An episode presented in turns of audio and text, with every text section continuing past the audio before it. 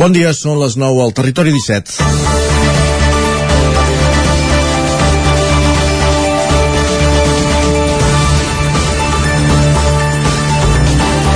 Rere una pregunta retòrica, perquè avui encara s'ha de commemorar el 8M, ahir sis periodistes del Territori 17 van exposar un rere l'altre els arguments pels quals cal continuar treballant entre tothom, homes i dones, per eliminar bretxes i desigualtats entre gèneres i trencar sostres de vidre. Va ser en format tertúlia, un gènere radiofònic que la pandèmia va congelar al Territori 17, però amb el bitllet obert per tornar quan sigui possible.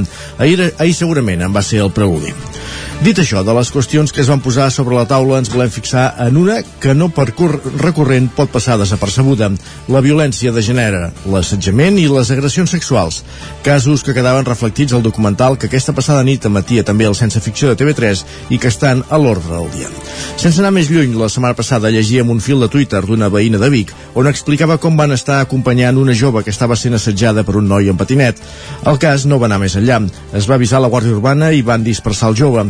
Els agents li van recomanar una aplicació que només apretant un botó alerta a la Guàrdia Urbana i amb geolocalització arriba en pocs minuts al punt on hi ha la víctima. Sense dubte, és una eina. El més greu de tot plegat és com un jove de 17 anys té interioritzada i normalitzada l'actitud de persecució de la víctima i desafiant i provocativa amb qui li fa entendre que aquesta no és una forma acceptada de convivència. Greu perquè, tornant al principi, malauradament, no és un fet aïllat. I mentre així sigui, caldran molts 8 de març i que el 8 de març sigui cada dia. També avui, dimecres, 9 de març de 2022, en el moment de començar un nou territori 17 a la sintonia de Ràdio Cardedeu, Ona Codinenca, la veu de Sant Joan, Ràdio Vic, el 9 FM i el 9 TV. Territori 17, amb Isaac Moreno i Jordi Sunyer.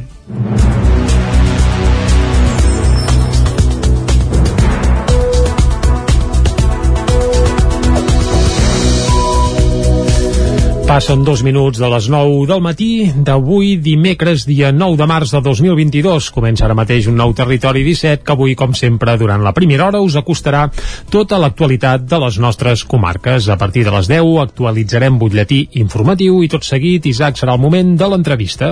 Correcte, avui anirem fins a Ugassa, al Ripollès, per parlar amb l'atleta Clàudia Trems, tercera classificada a la Transgran Cranària 2022 aquest passat cap de setmana.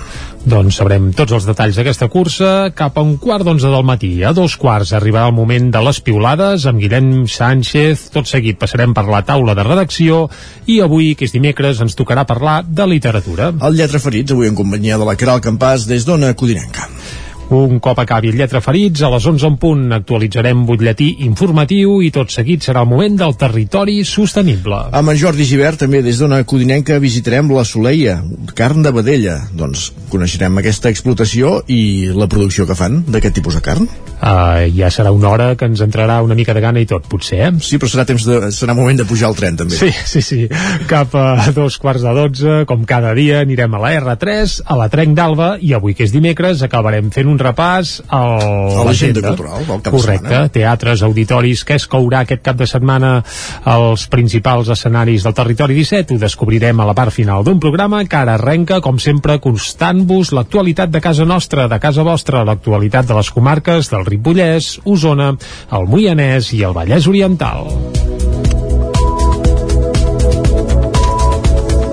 Qui cuida les que cuiden és la pregunta que formulava ahir el comitè de vaga d'Osona i el Lluçanès en el que va ser el primer gran acte del 8M a Vic. Des de la capital d'Osona, membres del comitè demanaven que després d'anys de mobilització es comencin a materialitzar les reivindicacions d'un moviment que consideren és imparable. Problemes de salut física, sobrecàrrega de feina o poc reconeixement són alguns dels missatges que ahir al matí membres del comitè de vaga d'Osona i el Lluçanès van plantant una caixa de grans dimensions que van fer servir per il·lustrar la càrrega física i mental a la que han de fer front dia a dia les dones cuidadores. Sota el lema Qui cuida a les que cuiden, més d'un centenar de persones van participar a la primera gran performance del 8 de març a Vic, que van avançant entre les parades que hi havia a la plaça Major.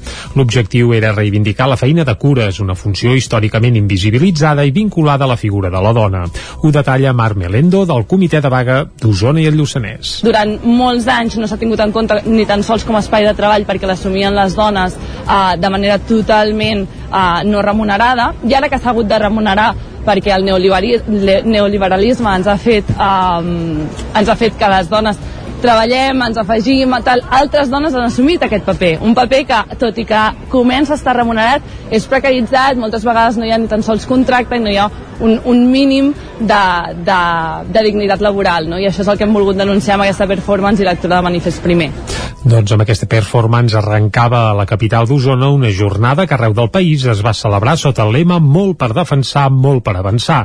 Un missatge que les manifestants llançaven directament a les institucions. Escoltem a Marc Melendo. Ens hem centrat en defensar que és un tema institucional, no? que a vegades s'oblida que és un tema estructural i es va molt a casos concrets i el que volem denunciar és el sistema eh, en general, en concret en temes que afecten a la societat però que, com sempre, ens atravessen més a nosaltres, no? que és l'habitatge, la migració o la salut, entre d'altres. Des del comitè celebren que la transformació feminista sigui a aquestes alçades un moviment imparable.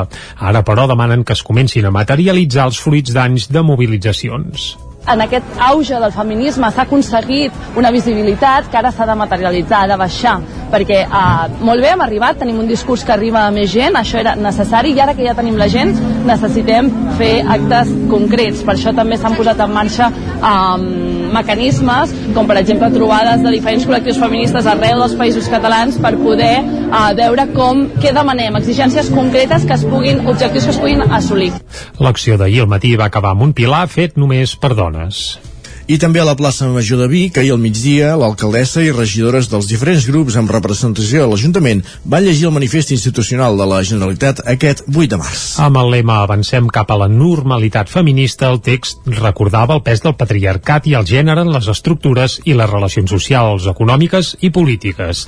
El manifest també apel·lava als homes perquè identifiquin i rebutgin els comportaments masclistes i es corresponsabilitzin del treball domèstic i de les cures. I també reclamava polítiques públiques públiques per una transformació feminista de la societat, un canvi que, insistia el manifest, ha de ser ràpid. Escoltem en aquest sentit a l'alcaldessa de Vic, Anna R. No és una utopia, ni pot ser tampoc una promesa per a les generacions futures. El reclam històric de justícia, equitat i llibertat ha de fer-se realitat avui. Ho volem ara. Una setantena de persones van seguir la lectura del manifest. Coincidint amb el 8 de març, Vic també va instal·lar cartells a les entrades a la ciutat que la reivindiquen com a lliure de violències masclistes i LGTBI-fòbiques. I les feministes som aquí contra les precarietats, les fronteres i les violències. Aquest va ser el lema del 8M a Cardedeu, que ha comptat amb diverses iniciatives populars i del teixit social a l'entorn del Dia Internacional de les Dones. Núria Lázaro, des de Ràdio Televisió Cardedeu. Des de les vuitenes jornades feministes d'aquest passat cap de setmana, la l'exposició Les dones de les arts escèniques, que s'ha pogut veure al Teatre Auditori de Cardedeu fins aquest cap de setmana. La marxa reivindicativa d'entitats i col·lectius feministes de Cardedeu, que es va celebrar ahir a la tarda, o la projecció d'un documental al cinema Esbarjo amb una història de sororitat. A més, les alumnes que formen part del curs de reparació de bicicletes per a dones del Servei de Formació i Ocupació de l'Ajuntament van participar ahir d'una pedalada per Cardedeu per donar visibilitat al projecte. Les participants, acompanyades del tècnic formador Raül Falconero de l'empresa Cycling No Limit i decorat les bicicletes per iniciar el recorregut des de la Mongia fent diverses parades per tot Cardedeu. Durant el trajecte van aprofitar per a repassar diversos conceptes tècnics. Cardedeu Vital també es va sumar a la pedalada acompanyant les alumnes amb un parell de tricicles elèctrics especialment adaptats que utilitzen per al projecte amb bici sense edat, consistent en l'organització de passejades a adreçades a persones grans i amb mobilitat reduïda. El Servei de Formació i Ocupació de l'Ajuntament de Cardedeu treballa per incrementar la presència de dones en cursos professionalitzadors tradicionalment masculinitzats. Des de la Mongia s'anima també a les dones a trencar amb els estereotips de gènere. I ahir, que era 8 de març, també van donar veu a les nenes. Noves generacions que ara ho escoltaran tenen menys prejudicis, més referents femenins i que també demanen canvis. El 9-9 i el 9 FM va reunir 11 nenes de diferents municipis de la comarca d'Osona per saber què entenen elles quan es parla de feminisme i igualtat. Les escoltem. Igualtat... Uf, igualtat. Que per les feines cobrin el mateix, que siguin tots iguals, que no hi hagi diferència. Les mateixes coses per l'home i la dona, que treballin en el que vulguin, el, que, que no sigui una cosa per l'home i, i l'altra per la dona. Jo diria que és per donar una mica de valor a les dones, però per mi no, no hi hauria de ser ni el dia de la dona ni el dia de l'home, perquè ningú hauria de tenir un dia, el dia hauria de ser cada dia. A la perruqueria és de dones i al futbol només hi poden jugar els homes. No, perquè, per exemple, l'Alexia Putellas és molt bona jugant a futbol i és una dona. Respecte a generacions passades, és evident que s'han fet passos endavant. De camí per recórrer, però, també queda clar que encara n'hi ha. A Taradell també s'ha commemorat el 8M i totes les activitats que s'hi han programat giren al voltant del paper de la dona en les fàbriques tèxtils que hi havia al poble.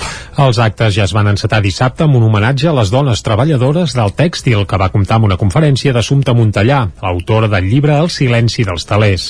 L'homenatge organitzat per l'Ajuntament i Som Dones es va completar amb l'entrega d'un record a totes les dones de Taradell que s'havien apuntat a la crida que es va fer adreçada a antigues treballadores del tèxtil. Montellà, abans d'iniciar la conferència, va celebrar l'organització de la trobada. Perquè ja ho sabeu, qui perd els orígens perd l'identitat. I aquí aquesta identitat de Taradell avui ve marcada per aquestes fàbriques amb el qual doncs, avui ens permet fer aquesta trobada de dones que us heu retrobat. M'ha fet molta gràcia veure dones que... Oh, què fas? Com estàs? I et miraves i llavors s'havien de baixar la mascareta. Soc jo? Ah, sí, ets tu. I us anàveu abraçant i us anàveu doncs, eh, retrobat, no? L'alcaldessa de Taradell, Mercè Cabanes, també va parlar de la necessitat de reivindicar el paper de la dona a la història. La història, com bé sabeu, l'han fet majoritàriament els homes i les dones sempre hem estat invisibles. Quan hem tingut un paper capdalt per seguir per seguir el camí de la vida. Un cop acabat l'homenatge a les treballadores del tèxtil, es va inaugurar l'exposició Xinxes, Pusses i Fabricantes, les treballadores del tèxtil alter, que es podrà veure a Cano Costa i Font fins al proper dia 22 de març. L'activitat relacionada amb el 8M a Taradell va seguir ahir a la nit amb una taula rodona i per demà dijous també es farà la presentació del còmic Bruixes 1617, l'any del diluvi, d'Oriol Garcia. Per cloure els actes del Dia Internacional de la Dona, dissabte a Taradell també es farà un cinefòrum organitzat per Som Dones de la pel·lícula Adam. Passem pàgina al 8 de març per explicar que l'Associació de Veïns i Amics d'Ugassa concorrerà a les properes eleccions municipals a través d'una plataforma d'independents amb el seu president Carles Mercader com a cap de llista. Isaac Muntades, des de la veu de Sant Joan. En la segona assemblea des de la seva creació, l'Associació de Persones Veïnes i Amigues d'Ugassa va decidir impulsar una plataforma d'independents per presentar-se a les pròximes eleccions municipals que s'han de celebrar al maig del 2023. El cap de llista d'aquesta nova formació serà l'actual president de l'associació, Carles Mercader, tot i que en cas de sortir elegit com a regidor deixarà la presidència per no incórrer en una duplicitat de càrrecs i per fomentar la pluralitat, com també ho faran la resta de membres de la Junta Directiva que surtin escollits. Aquesta llista vol aglutinar diferents sensibilitats perquè perquè gent de tots els colors polítics s'hi senti còmode. Pel que fa a l'associació, seguirà existint perquè és bo pel poble. Amb aquest pas endavant, el consistori ha de ser el braç executor d'allò que demani l'associació i que ajudi a millorar el municipi. L'entitat ja compta amb 90 associats, un 37,5% dels 240 habitants del municipi. En presentar-se com a independents necessitaran la signatura d'un 2% dels veïns. A l'assemblea també es va parlar de dos projectes importants pel poble, com la instal·lació d'una casa de colònies al centre de la vila i de la construcció d'un rocòdrom valorat en 170.000 euros. Mercader explicava que no n'estaven massa informats i que l'Ajuntament havia estat poc transparent. Tenim el problema a Ugassa de que els plens segueixen sent a porta tancada. Tots aquests són temes que deuen parlar els regidors, l'Ajuntament, però que no es parlen amb el poble. El tema del rocòdrom, jo vaig demanar personalment amb l'alcalde si podíem participar en el projecte, si podíem veure, si podíem saber com era, eh, va dir que ho consultaria i no tinc resposta. I en el cas de la Casa de Colònies, doncs és una informació que ha vingut més aviat pels promotors, és un tema que es veu que portaven dos anys treballant i que ningú del poble, excepte regidors o familiars d'aquests, doncs en sabien res, no? Llavors vam parlar amb el promotor, ell es va interessar per parlar amb nosaltres i eh, l'únic que vam dir és que un projecte d'aquesta magnitud hauria de fer-se públic, hauria de treballar-se amb la gent i hauria de veure quines avantatges pot aportar això al municipi. Mercader va apuntar que la llicència d'activitat per a aquest projecte s'allargaria entre 25 i 30 anys i hipotecaria els pròxims 5 o 6 mandats. A l'assemblea va assistir l'alcalde de Planoles, David Verge, i alguna regidora d'aquest poble, però ningú de l'equip de govern d'Ugassa, tot i que hi estaven convidats. El mercat de l'olla tornarà a Caldes de Montbui el 19 i 20 de març, després d'una pausa de 3 anys a causa de la pandèmia. Caral Campàs, des d'Ona Codinenca. Serà una edició sense grans novetats, tot i que amb tots els ingredients que l'han convertit en una de les activitats que treu més públic a Caldes en tot el calendari local. Una setantena de parades de productes gastronòmics i artesans, activitats familiars i al centre de tot plegat l'olla més gran de Catalunya on es couran 3.000 racions de llegums amb aigua termal. La regidora de Turisme i Termalisme, Carme Germà, explica les claus d'aquest mercat de l'olla tots dos dies estaran plens de parades, activitats, eh, cuina, eh, hi haurà per tothom, per totes les edats. Tenim previst fer diverses olles de llenties, de, de cigrons, cuits amb aigua termal, com sempre, perquè la finalitat d'aquest mercat de l'olla ha estat sempre potenciar la cuina termal i d'aquesta manera donar-la a conèixer. Llavors, que millor que al voltant d'aquesta olla gegant de 1.500 litres on cuinem aquestes llegums, puguem posar-hi parades relacionades amb l'artesania i també amb la cuina. Aquest any també tindrem food trucks, que és un tema que té molt d'èxit i hi ha moltíssima gent que, que ja que ve a la fira mm, o al mercat li agrada quedar-se, poder-se quedar a dinar i, i provar diferents especialitats d'aquests food trucks i tota la, la sèrie d'activitats per nens eh, que hi ha jocs i també hi ha actuacions. El mercat de l'Olla d'enguany s'envoltarà de propostes gastronòmiques. Per una banda, diversos food trucks estaran repartits pel municipi amb una oferta variada de propostes i, per altra banda, els restaurants de Caldes oferiran plats de creació pròpia inspirats en la cuina termal i tradicional. La iniciativa rep el nom de Sants amb l'Olla i aquestes receptes estaran a les cartes dels establiments entre el 19 i 27 de març.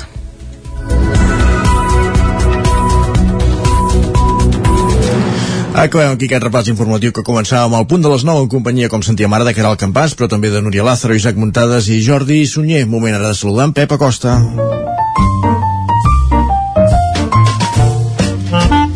Casa Terradellos us ofereix el temps.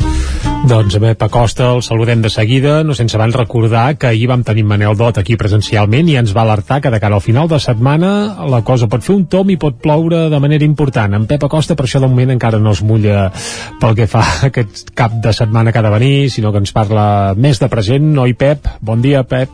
Hola, tal, bon dia. I bona hora, ja i bona hora. aquí a l'espai del temps. Què tal esteu?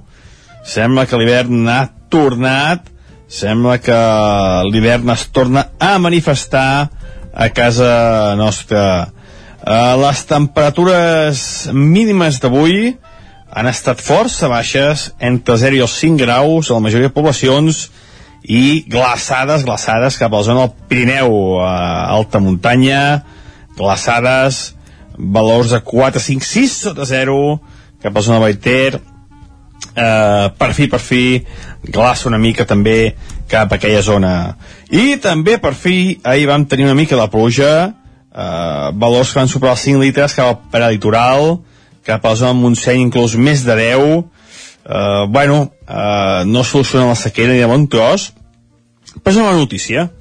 Almenys eh, quan es superen ja els 10 litres, sí que ja la pluja ja sentint-se una mica en el terreny, i per fi um, s'alleugereix una mica aquesta enorme sequera que, que estem patint. Esperem, esperem que els pròxims dies encara plogui més, eh? Però bueno, no avancem en conteixements, anem mica en mica, eh, anem dia a dia, com sempre fem. Uh, sortint del Montseny ahir les precipitacions van ser més escasses com deia la majoria entre els 5 i els 8 litres del prelitoral sortint del prelitoral sí que les precipitacions van ser molt més escasses, inferiors als 5 litres cap a l'interior i cap al Pirineu. Però bueno, almenys en algun lloc plou una mica, que ja és molt d'agrair, eh, ja sabeu la, el refrany a casa del pobre, l'alegria dura poc, però més eh, les alegries s'han de celebrar ja que estem a casa de, de, de pobres. Doncs bueno, deixem enrere les pluges dels pobres, i anem pel dia d'avui, que com deia ens han llevat en temperatures força baixes, força baixes, torna aquest ambient força hivernal, i avui ens veiem amb núvols, però mica en mica se n'hi han desfent. I de cara a migdia tarda quedaran ja molts menys núvols i fins i tot tindrem alguna clariana. No farà un dia sol ni molt menys, però sí que tindrem ja una pausa amb aquests eh, fronts que s'estan passant. Per fi van canviant les peces meteorològiques. Teníem aquell anticicló dies i dies i dies i ara no paren de passar fronts un rere l'altre, eh? Per fi ja veieu aquest canvi de peces meteorològic que és molt, molt interessant i per fi es produeix. Uh, tenim un front que passarà segurament demà, entre demà i divendres, i un altre que passarà entre diumenge i dilluns. Uh, per tant, que canvi de dinàmica que és molt important i que per fi es produeix. Van passar aquests fronts atlàntics que ens van escombrant d'oest a est. Però avui no, eh? Avui tindrem una petita pausa, eh, no tindrem cap front, la precipitació anirà disminuint i els núvols també aniran disminuint. I de cara a la tarda, com deia, fins i tot tindrem clarianes. Això sí, les temperatures màximes pujaran poc, la majoria de valors entre els 10 i els 15 graus. Dia gairebé d'hivern encara avui el que tindrem a les nostres comarques. Vents febles, eh, no tenim vents de nord molt importants, ni d'est ni de sud, per tant, vents febles direccions variables. I això és tot, a disfrutar del dia d'avui, disfrutar d'aquest dimecres, i aviam si demà torna a venir un petit front i ens torna a proporcionar aquests 5-10 litres que anirien ja molt bé, aniria acumulant-se puja, que és molt bona notícia. Moltes gràcies. Vinga, de res, doncs va, uh, no s'ha mullat gaire més enllà, però sembla que... Home, està escarmentat l'home, eh? Sí, clar, clar, és que que venim... les seves previsions. Sí, sí, venim d'un any que, que déu-n'hi-do, que déu nhi Bé, tanquem aquí la pàgina meteorològica i anem cap al quiosc, sí? Som-hi, va. Doncs cinc, som-hi. Casa Tarradellas us ha ofert aquest espai. Moment de conèixer què diuen els diaris avui a les seves portades. Territori 17. Envia'ns les teves notes de veu per WhatsApp al 646 079 023. 646 079 023. WhatsApp Territori 17.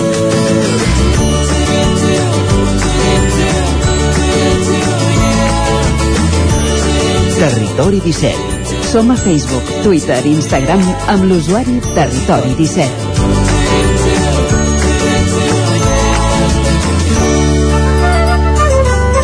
Doncs ara, si entrem al quiosc, comencem repassant la portada del punt avui, Jordi. Comencem pel punt avui, sí, que titula Batalla energètica. Uh, la, un, els Estats Units augmenten el càstig econòmic a Rússia i veten comprar-li petroli i gas. També la Unió Europea reduirà un 66% la seva dependència del gas rus durant el 2022. Que complicat, Tindrà, això, eh? Sí, és complicadot, sobretot els països de, bé, de Del més- centre, del centre, exacte, i de l'est d'Europa que consumeixen i molt gas eh, en aquest cas rus, i tant que sí. Doncs diuen això, batalla energètica i pressió humanitària sobre un primer corredor d'evacuació mentre eh, l'onada de refugiats ja supera els 2 milions de persones, una xifra esfereïdora. A la part inferior de la portada també hi trobem eh, 8 tema, evidentment 8 de març, i amb el titular Impuls feminista. Anem cap a l'ara, que han fet una espècie d'estructura similar, eh? el titular principal és per eh, la crisi entre, bé, més que crisi, la guerra entre Rússia i Ucraïna. Els Estats Units prohibeixen importar petroli, gas i carbó de Rússia. Biden augmenta el càstig econòmic a Putin, una mesura a la qual no s'apunta la Unió Europea i, com bé deies, no s'hi apunta perquè no pot, perquè Europa depèn i molt del gas rus. En canvi, als Estats Units, diguem que es pot permetre el luxe de no comprar-los ni una engruna de, de gas ni de petroli. està- està negociant amb Maduro, eh, A més a més, exacte, correcte. Uh, també a l'ara també trobem una fotografia per il·lustrar el 8M, el feminisme clama igualtat i crida contra la guerra. I, per cert, la Moncloa no en té prou amb la carta de l'emèrit i l'insta a explicar els seus negocis al Congrés. Això és una novetat que també apareix al diari Ara, arran de la notícia que teníem ahir, que el rei emèrit es quedarà a viure a Abu Dhabi, però visitarà uh, l'estat espanyol sovint, deia ahir. Quan li convingui. Ah, exacte, quan li vingui de gust, i home, sí. Anem a l'avantguàrdia. El titular principal és per les siderúrgiques que paren per l'alt preu de l'energia. La Unió Europea aprovarà noves mesures per mitigar l'escalada del cost de l'electricitat i elevarà les reserves de gas. I resulta que hi ha algunes indústries que estan parant perquè, bé, perquè no els surt a compte produir tenint en compte l'alt preu de l'energia.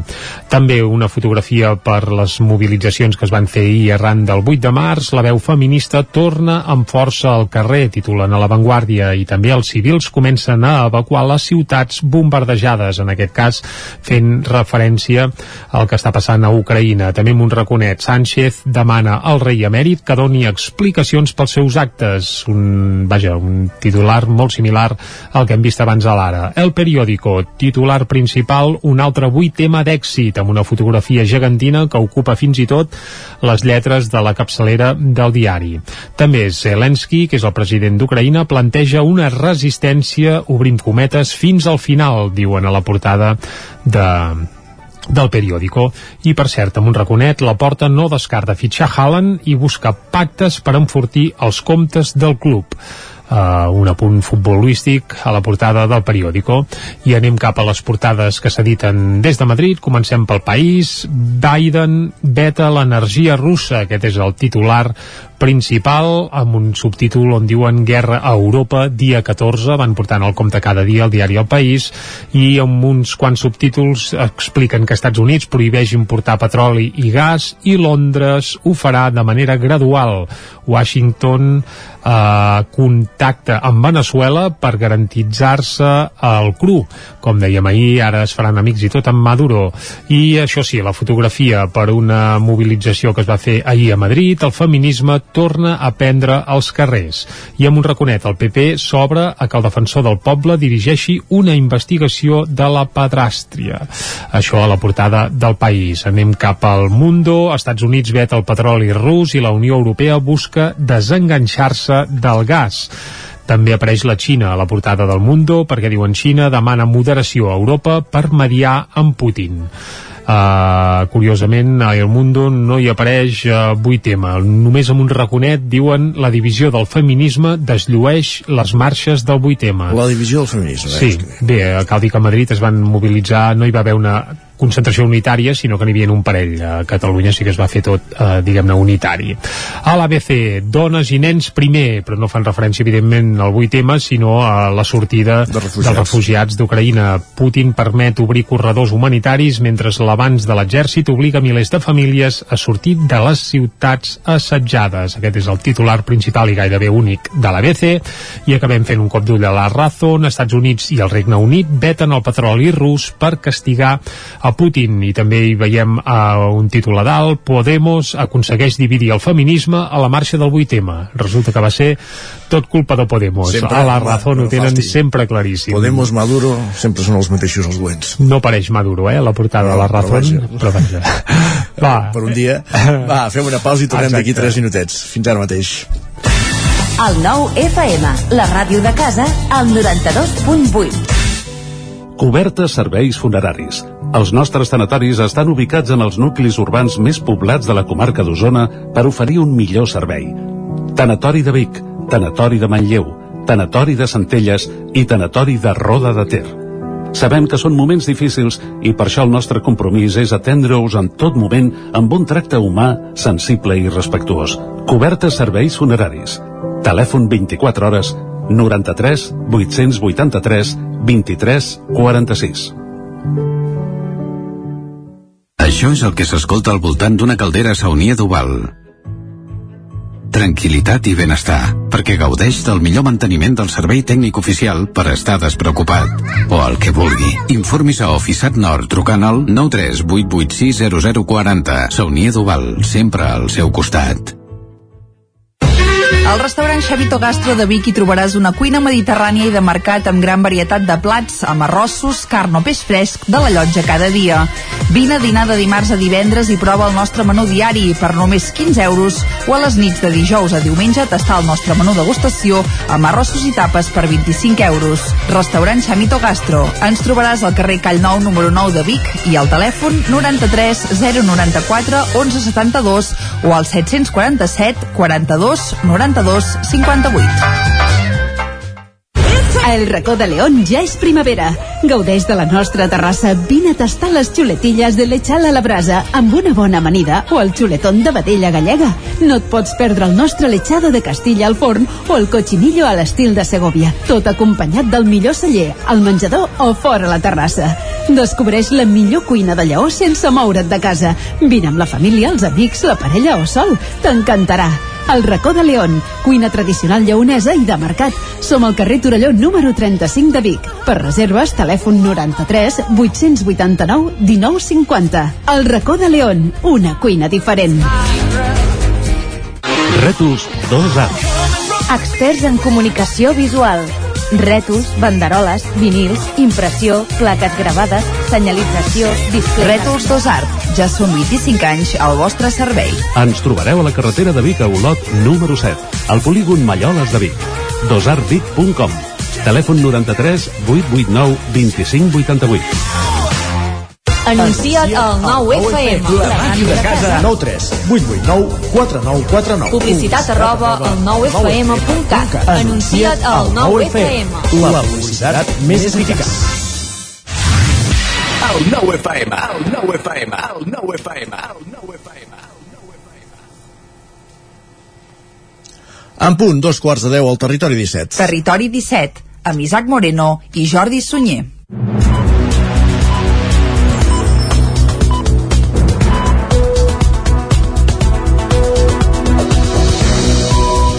I a dos quarts de deu en punt eh, arriba el moment d'acostar-vos de nou tota l'actualitat de casa nostra. Abans, però, ja us avancem una mica tot el que escoltarem i farem fins al punt de les 12 del migdia. Abans de les 10, com cada dia, hi posarem una mica de música, avui per enllaçar tres temes. Vuit tema. Ah, un. Eh, Pau Riba. Dos i una cantant del Moianès que segurament és una, vaja, jo, jo crec que és la millor veu que ha sortit d'aquesta comarca els darrers anys. Carai. Tres. Sorpresa. Alguna pista més o no? No, ho deixem aquí, ja, Va, ja deixem ens aquí. acabaràs d'explicar després. Ah, doncs deixem-ho aquí, però tot plegat es pot relligar amb la cançó que escoltarem i mira que és difícil, eh? A Veu de Lluçanès, Pau Riba i Vuitema, però ho aconseguirem. Va, més coses. A les 10 actualitzarem butlletí informatiu i tot seguit a l'entrevista avui parlarem de córrer, eh, Isaac? Exacte, parlarem amb l'atleta d'Ugassa Clàudia Trems, tercera classificada a la Transgran Canària 2022, està passant per un moment dolç i parlarem de la seva trajectòria avui a l'entrevista, un quart d'onze. A dos quarts serà el moment de les piulades amb en Guillem Sánchez, repassarem les portades del 99.cat, passarem per la taula de redacció i tot seguit serà el moment del Lletra Ferits.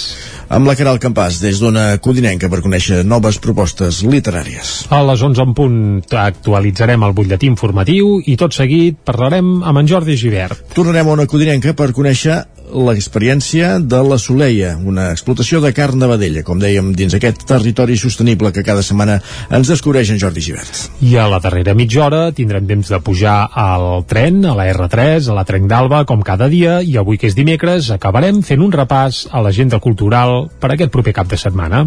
Tot això des d'ara fins les 12. I ara el que ens toca, doncs, ara sí, és acostar-vos de nou l'actualitat de casa nostra, ja ho sabeu, l'actualitat de les comarques del Vallès Oriental, el Moianès, Osona i el Ripollès. Qui cuida les que cuiden? És la pregunta que formulava ahir el comitè de vaga d'Osona i el Lluçanès en el que va ser el primer gran acte del 8M a Vic. Des de la capital d'Osona, membres del comitè demanaven que després d'anys de mobilització es comencin a materialitzar les reivindicacions d'un moviment que consideren és imparable. Problemes de salut física, sobrecàrrega de feina o poc reconeixement són alguns dels missatges que ahir al matí membres del comitè de vaga d'Osona i el Lluçanès van plantar en una caixa de grans dimensions que van fer servir per il·lustrar la càrrega física i mental a la que han de fer front dia a dia les dones cuidadores. Sota el lema Qui cuida les que cuiden, més d'un centenar de persones van participar a la primera gran performance del 8 de març a Vic, que van avançant entre les parades que hi havia a la plaça Major. L'objectiu era reivindicar la feina de cures, una funció històricament invisibilitzada i vinculada a la figura de la dona.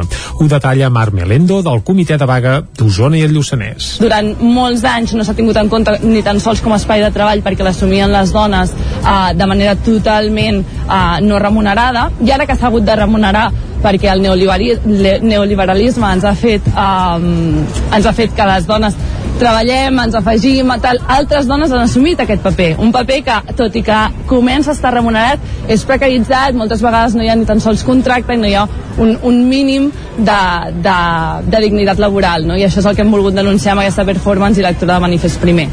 Doncs amb aquesta performance arrencava a la capital d'Osona una jornada que arreu del país es va celebrar sota el lema Molt per defensar, molt per avançar. Un missatge que les manifestants llançaven directament a les institucions. Escoltem a Marc Melendo. Ens hem centrat en defensar que és un tema institucional, no? que a vegades s'oblida que és un tema estructural i es va molt a casos concrets i el que volem denunciar és el sistema eh, en general, en concret en temes que afecten a la societat però que, com sempre, ens atravessen més a nosaltres, no? que és l'habitatge, la migració o la salut, entre d'altres. Des del comitè celebren que la transformació feminista sigui a aquestes alçades un moviment imparable. Ara, però, demanen que es comencin a materialitzar els fruits d'anys de mobilitzacions en aquest auge del feminisme s'ha aconseguit una visibilitat que ara s'ha de materialitzar, ha de baixar, perquè eh, molt bé hem arribat, tenim un discurs que arriba a més gent, això era necessari, i ara que ja tenim la gent, necessitem fer actes concrets. Per això també s'han posat en marxa eh, mecanismes, com per exemple trobades de diferents col·lectius feministes arreu dels països catalans per poder eh, veure com, què demanem, exigències concretes que es puguin, objectius que es puguin assolir. L'acció d'ahir al matí va acabar amb un pilar fet només per dones dones. I també a la plaça Major de Vic, ahir al migdia, l'alcaldessa i regidores dels diferents grups amb representació a l'Ajuntament van llegir el manifest institucional de la Generalitat aquest 8 de març. Amb el lema Avancem cap a la normalitat feminista, el text recordava el pes del patriarcat i el gènere en les estructures i les relacions socials, econòmiques i polítiques. El manifest també apel·lava als homes perquè identifiquin i rebutgin els comportaments masclistes i es corresponsabilitzin del treball domèstic i de les cures. I també reclamava polítiques públiques públiques per una transformació feminista de la societat, un canvi que, insistia el manifest, ha de ser ràpid. Escoltem en aquest sentit a l'alcaldessa de Vic, Anna R. No és una utopia, ni pot ser tampoc una promesa per a les generacions futures. El reclam històric de justícia, equitat i llibertat ha de fer-se realitat avui. Ho volem ara. Una setantena de persones van seguir la lectura del manifest. Coincidint amb el 8 de març, Vic també va instal·lar cartells a les entrades a la ciutat que la reivindiquen com a lliure de violències masclistes i LGTBI-fòbiques. I les feministes som aquí contra les precarietats, les fronteres i les violències. Aquest va ser el lema del 8M a Cardedeu, que ha comptat amb diverses iniciatives populars i del teixit social a l'entorn del Dia Internacional de les Dones. Núria Lázaro, des de Ràdio Televisió Cardedeu. Des de les vuitenes jornades feministes d'aquest passat cap de setmana, l'exposició Les dones de les arts escèniques, que s'ha pogut veure al Teatre Auditori de Cardedeu fins aquest cap de setmana. La marxa reivindicativa d'entitats i col·lectius feministes de Cardedeu, que es va celebrar ahir a la tarda, o la projecció d'un documental al cinema Esbarjo amb una història de sororitat. A més, les alumnes que formen part del curs de reparació de bicicletes per a dones del Servei de Formació i Ocupació de l'Ajuntament van participar ahir d'una pedalada per Cardedeu per donar visibilitat al projecte. Les participants acompanyades del tècnic formador Raül Falconero de l'empresa Cycling No Limit i decorat les bicicletes per iniciar el recorregut des de la Mongia fent diverses parades per tot Cardedeu. Durant el trajecte van aprofitar per a repassar diversos conceptes tècnics. Cardedeu Vital també es va sumar a la pedalada acompanyant les alumnes amb un parell de tricicles elèctrics especialment adaptats que utilitzen per al projecte amb bici sense edat, consistent en l'organització de passejades adreçades a persones grans i amb mobilitat reduïda. El Servei de Formació i Ocupació de l'Ajuntament de Cardedeu treballa per incrementar la presència de dones en cursos professionalitzadors tradicionalment masculinitzats. Des de la Mongia s'anima també a les dones a trencar amb els estereotips de gènere. I ahir, que era 8 de març, també van donar veu a les nenes. Noves generacions que ara ho escoltaran tenen menys prejudicis, més referents femenins i que també demanen canvis. El 9-9 i el 9-FM va reunir 11 nenes de diferents municipis de la comarca d'Osona per saber què entenen elles quan es parla de feminisme i igualtat. Les escoltem. Igualtat... Uf, igualtat. Que per les feines cobrin el mateix, que siguin tots iguals, que no hi hagi diferència. Les mateixes coses per l'home i la dona, que treballin en el que vulguin, el, que, en plan, que no sigui una cosa per l'home i, i l'altra per la dona.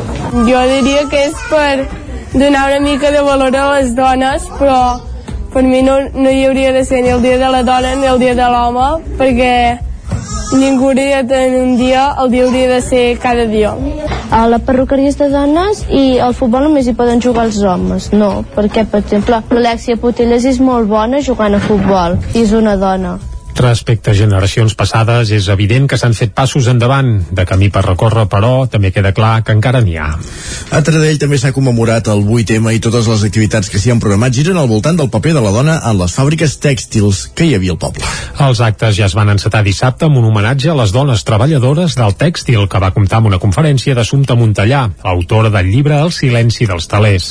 L'homenatge organitzat per l'Ajuntament i Som Dones es va completar amb l'entrega d'un record a totes les dones de Taradell que s'havien apuntat a la crida que es va fer adreçada a antigues treballadores del tèxtil.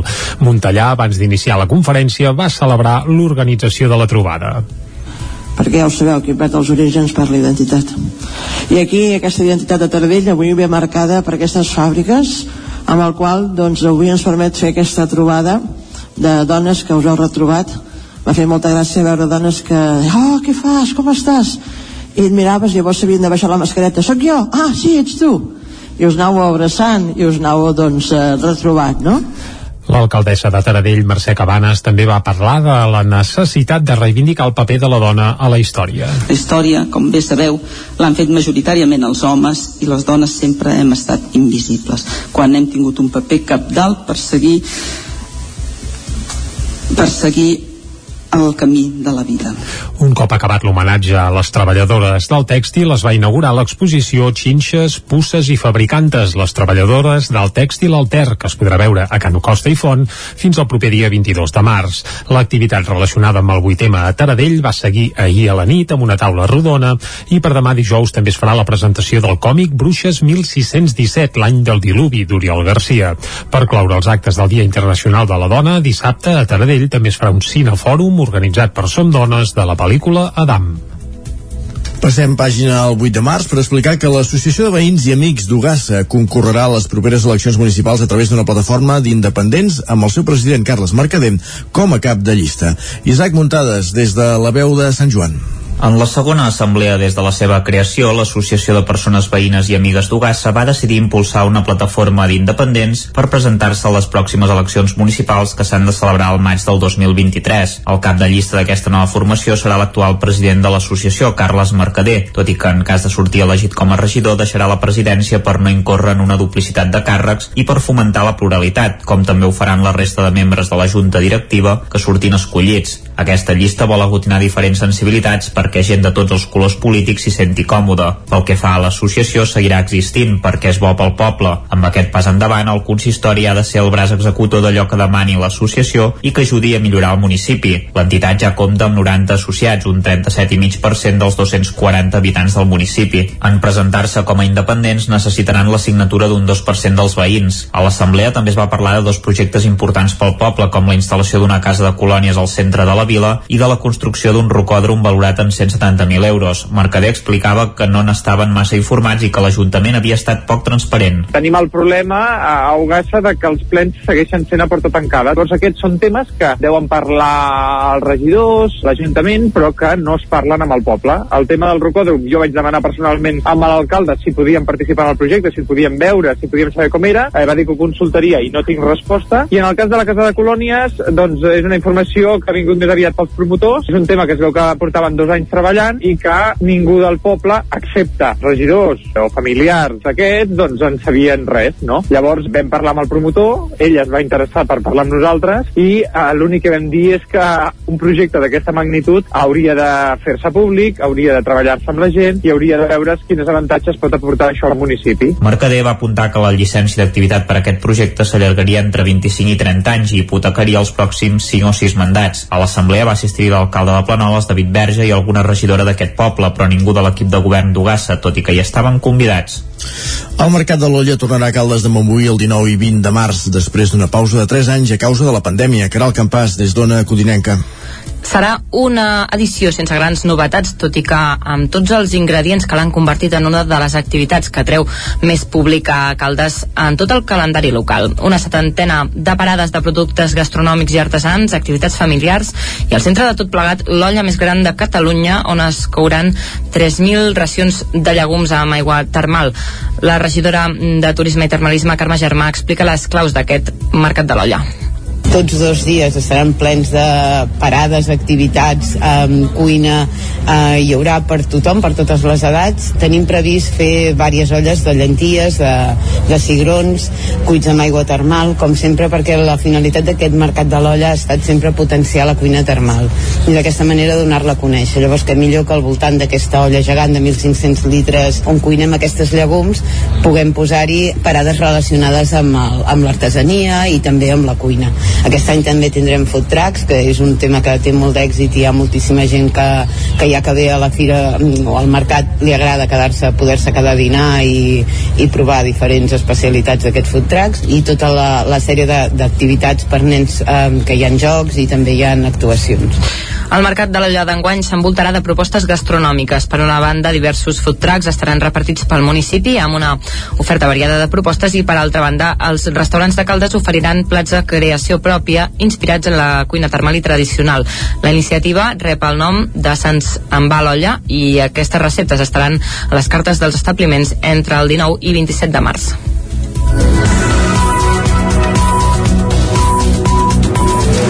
Acabem aquí aquest repàs informatiu que començàvem al punt de les 9 en companyia, com sentíem ara, de Caral Campàs, però també de Núria Lázaro, Isaac Muntades i Jordi Sunyer. Moment ara de saludar en Pep Acosta.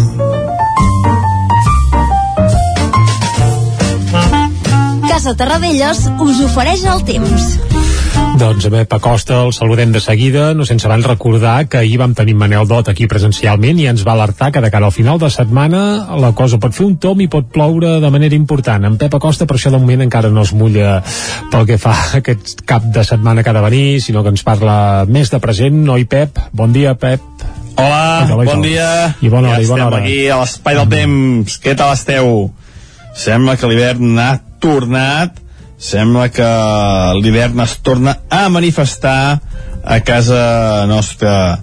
Uh, les temperatures mínimes d'avui han estat força baixes, entre 0 i els 5 graus a la majoria de poblacions i glaçades, glaçades cap a la zona del Pirineu, uh, alta muntanya, glaçades, valors de 4, 5, 6 sota 0, cap a la zona de Baiter, eh, per fi, per fi, glaça una mica també cap a aquella zona.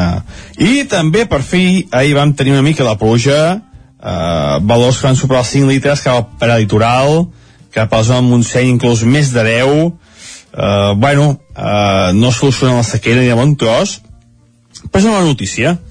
Almenys eh, quan es superen ja els 10 litres, sí que ja la pluja ja sentint-se una mica en el terreny, i per fi um, s'alleugereix una mica aquesta enorme sequera que, que estem patint esperem, esperem que els pròxims dies encara plogui més, eh? però bueno, no avancem en conteixements, anem mica en mica, eh, anem dia a dia, com sempre fem. Uh, sortint del Montseny ahir les precipitacions van ser més escasses com deia la majoria entre els 5 i els 8 litres al prelitoral sortint del prelitoral sí que les precipitacions van ser molt més escasses, inferiors als 5 litres cap a l'interior i cap al Pirineu. Però bueno, almenys en algun lloc plou una mica, que ja és molt d'agrair, eh, ja sabeu la, el refrany a casa del pobre l'alegria dura poc, però més eh, les alegries s'han de celebrar ja que estem a casa de, de, de pobres. Doncs bueno, deixem enrere les pluges dels pobres i anem pel dia d'avui, que com deia ens han llevat en temperatures força baixes, força baixes, torna aquest ambient força hivernal, i avui ens llevem amb núvols, però mica en mica se n'hi desfent. I de cara a migdia tarda quedaran ja molts menys núvols i fins i tot tindrem alguna clariana. No farà un dia sol ni molt menys, però sí que tindrem ja una pausa amb aquests eh, fronts que s'estan passant. Per fi van canviant les, peces meteorològiques. Teníem aquell anticicló dies i dies i dies i ara no paren de passar fronts un rere l'altre, eh? Per fi ja veieu aquest canvi de peces meteorològic que és molt, molt interessant i per fi es produeix. Uh, tenim un front que passarà segurament demà, entre demà i divendres, i un altre que passarà entre diumenge i dilluns. Uh, per tant, que canvi de dinàmica que és molt important i que per fi es produeix. Van passar aquests fronts atlàntics que ens van escombrant d'oest a est. Però avui no, eh? Avui tindrem una petita pausa, eh, no tindrem cap front, la precipitació anirà disminuint i els núvols també aniran disminuint. I de cara a la tarda, com deia, fins i tot tindrem clarianes. Això sí, les temperatures màximes pujaran poc, la majoria de valors entre els 10 i els 15 graus.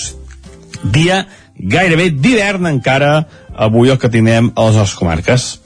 Vents febles, eh, no tenim vents de nord molt importants, ni d'est, ni de sud, per tant, vents febles direccions variables. I això és tot, a disfrutar del dia d'avui, disfrutar d'aquest dimecres, i aviam si demà torna a venir un pelit front i ens torna a proporcionar aquests 5-10 litres que anirien ja molt bé, anirien acumulant-se puja, que és molt bona notícia. Moltes gràcies! Vinga, de res, doncs va, uh, no s'ha mullat gaire més enllà, però sembla que... Home, està escarmentat l'home, eh? Sí, clar, clar, és que que venim... estigui les seves previsi- previsions. Sí, sí, venim d'un any que, que déu-n'hi-do, que déu nhi Bé, tanquem aquí la pàgina meteorològica i anem cap al quiosc. Sí? Som-hi, va. Doncs cinc, som-hi. Casa Tarradellas us ha ofert aquest espai. Moment de conèixer què diuen els diaris avui a les seves portades. Territori 17. Envia'ns les teves notes de veu per WhatsApp al 646 079 023. 646 079 023. WhatsApp Territori 17.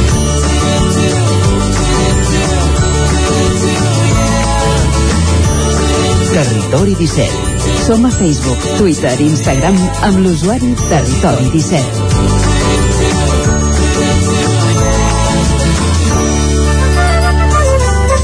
Doncs ara, si entrem al quiosc, comencem repassant la portada del punt avui, Jordi. Comencem pel punt avui, sí, que titula Batalla energètica. A la, un, als Estats Units augmenten el càstig econòmic a Rússia i veten comprar-li petroli i gas. També la Unió Europea reduirà un 66% la seva dependència del gas rus durant el 2022. Que complicat, això, eh? Sí, és complicatot, sobretot als països de... Bé, de Del més- centre, Alemanya, del centre, exacte, i de l'est d'Europa que consumeixen i molt gas eh, en aquest cas rus, i tant que sí. No ens diuen això, batalla energètica i pressió humanitària sobre un primer corredor d'evacuació mentre eh, l'onada de refugiats ja supera els 2 milions de persones, una xifra esfereïdora. A la part inferior de la portada també hi trobem eh, 8M, evidentment 8 de març, i amb el titular Impuls feminista. Anem cap a l'ara, que han fet una espècie d'estructura similar, eh? El titular principal és per uh, la crisi entre, bé, més que crisi, la guerra entre Rússia i Ucraïna. Els Estats Units prohibeixen importar petroli, gas i carbó de Rússia. Biden augmenta el càstig econòmic a Putin, una mesura a la qual no s'apunta la Unió Europea i, com bé deies, no s'hi apunta perquè no pot, perquè Europa depèn i molt del gas rus. En canvi, als Estats Units, diguem que es pot permetre el luxe de no comprar-los ni una engruna de, de gas ni de petroli. està- està negociant amb Maduro, eh, A més a més, exacte, correcte. Uh, també a l'ara també trobem una fotografia per il·lustrar el 8M, el feminisme clama igualtat i crida contra la guerra. I, per cert, la Moncloa no en té prou amb la carta de l'emèrit i l'insta a explicar els seus negocis al Congrés. Això és una novetat que també apareix al diari Ara, arran de la notícia que teníem ahir, que el rei emèrit es quedarà a viure a Abu Dhabi, però visitarà uh, l'estat espanyol sovint, deia ahir. Quan li convingui. Ah, exacte, quan li vingui de gust, i home sí. Anem a l'avantguàrdia. El titular principal és per les siderúrgiques que paren per l'alt preu de l'energia. La Unió Europea aprovarà noves mesures per mitigar l'escalada del cost de l'electricitat i elevarà les reserves de gas. I resulta que hi ha algunes indústries que estan parant perquè, bé, perquè no els surt a compte produir tenint en compte l'alt preu de l'energia. També una fotografia per les mobilitzacions que es van fer ahir arran del 8 de març. La veu feminista torna amb força al carrer, titulen a l'avantguàrdia, i també els civils comencen a evacuar les ciutats bombardejades, en aquest cas fent referència al que està passant a Ucraïna. També amb un raconet, Sánchez demana al rei emèrit que doni explicacions pels seus actes. Un, vaja, un titular molt similar al que hem vist abans a l'ara. El periòdico, titular principal, un altre vuit tema d'èxit, amb una fotografia gegantina que ocupa fins i tot les lletres de la capçalera del diari. També Zelensky, que és el president d'Ucraïna, planteja una resistència, obrim cometes, fins al final, diuen a la portada de, del periòdico. I, per cert, amb un raconet, la porta no descarta fitxar Haaland i buscar pactes per enfortir els comptes del club. Uh, un apunt futbolístic a la portada del periòdico. I anem cap a les portades que s'editen des de Madrid. Comencem pel país. Biden veta l'energia russa. Aquest és el titular principal amb un subtítol on diuen Guerra a Europa, dia 14 van portant el compte cada dia al diari El País i amb uns quants subtítols expliquen que Estats Units prohibeix importar petroli i gas i Londres ho farà de manera gradual. Washington eh, contacta amb Venezuela per garantitzar-se el cru com dèiem ahir, ara es faran amics i tot amb Maduro i això sí, la fotografia per una mobilització que es va fer ahir a Madrid, el feminisme torna a prendre als carrers. I amb un raconet, el PP s'obre a que el defensor del poble dirigeixi una investigació de la pedràstria. Això a la portada del país. Anem cap al Mundo, Estats Units vet el petroli rus i la Unió Europea busca desenganxar-se del gas. També apareix la Xina a la portada del Mundo perquè diuen Xina demana moderació a Europa per mediar amb Putin. Uh, curiosament, a El Mundo no hi apareix uh, tema. Només amb un raconet diuen la divisió del feminisme desllueix les marxes del 8M. La divisió del feminisme. Sí, bé, cal dir que a Madrid es van mobilitzar, no hi va haver una concentració unitària, sinó que n'hi havia un parell. A Catalunya sí que es va fer tot, eh, diguem-ne, unitari. A l'ABC, dones i nens primer, però no fan referència, evidentment, al 8M, sinó a la sortida de refugiats. dels refugiats d'Ucraïna. Putin permet obrir corredors humanitaris mentre l'avanç de l'exèrcit obliga milers de famílies a sortir de les ciutats assetjades. Aquest és el titular principal i gairebé únic de l'ABC. I acabem fent un cop d'ull a la Razón. Estats Units i el Regne Unit veten el petroli rus per castigar a Putin. I també hi veiem uh, un títol a dalt Podemos aconsegueix dividir el feminisme a la marxa del 8M resulta que va ser tot culpa de Podemos. Sempre, a la raó ho tenen fàstic. sempre claríssim. Podemos, Maduro, sempre són els mateixos els dolents. No pareix Maduro, eh, la portada no, de la raó però vaja, bé, Casado sí. també és el diable últimament, però vaja, en fi i segur que encara en trobaríem uns quants més. Ara fa dies, per exemple, bueno, que... Puigdemont ja no parlem. Sí, és el que anava a citar. I mira que estaria bé que en parlessin, perquè clar, és el nou president del Consell de la República i no se n'han fet gaire ressò. Bé, o gens, ja el dia que potser se n'adonin uh, hauran fet tard. Però això serien figues d'un altre paner. Anem al tema musical. Sí, ens has d'explicar qui és aquesta noia que unia tres temes, eh? Va. tema, Moianès, i... Pau Riba. I Pau Riba. És que costa, costa, eh? doncs va, la noia l'hem escoltat ja alguna vegada aquí Territori 17 perquè és una de les meves debilitats, és la Namina, aquesta mhm. -huh. moianesa amb arrels també brasileres, que eh, l'escoltarem avui perquè acaba de treure el seu nou disc, el quart disc ja en solitari. El disc es titula Un udol i el que escoltarem ara és una cançó que es titula Arbres. Saps de qui és la lletra? De Pau Riba? No, Ai. de la seva iaia. Carai. Clementina Arderiu, àvia de Pau Riba, d'aquí ve l'enllaç amb Pau Riba, eh? amb qui, bé, Pau Riba va fer les paus amb un parell de cançons on fins i tot li va arribar a musicar algun vers i la va cantar, i clar, la Clementina, lligat també amb el 8M, home, eh, sovint encara hi ha qui la bateja com a la dona de Carles Riba, un altre mite de la literatura catalana, però no, la Clementina Arderiu tenia veu pròpia, discurs propi i una obra que val molt i molt la pena. Val tant la pena que la Namina doncs, també ha decidit musicar algun dels seus versos, per exemple, aquest Arbres, amb el qual arribarem fins al punt de les 10 aquí a Territori 17. I hem lligat això, eh? Avui tema, Pau Riba i Moianès. Eh que bé? Som-hi, tant, com sí, va, arbres. Música Arbres. Torça i retorn s'acaba així el de fora ah, ah, ah.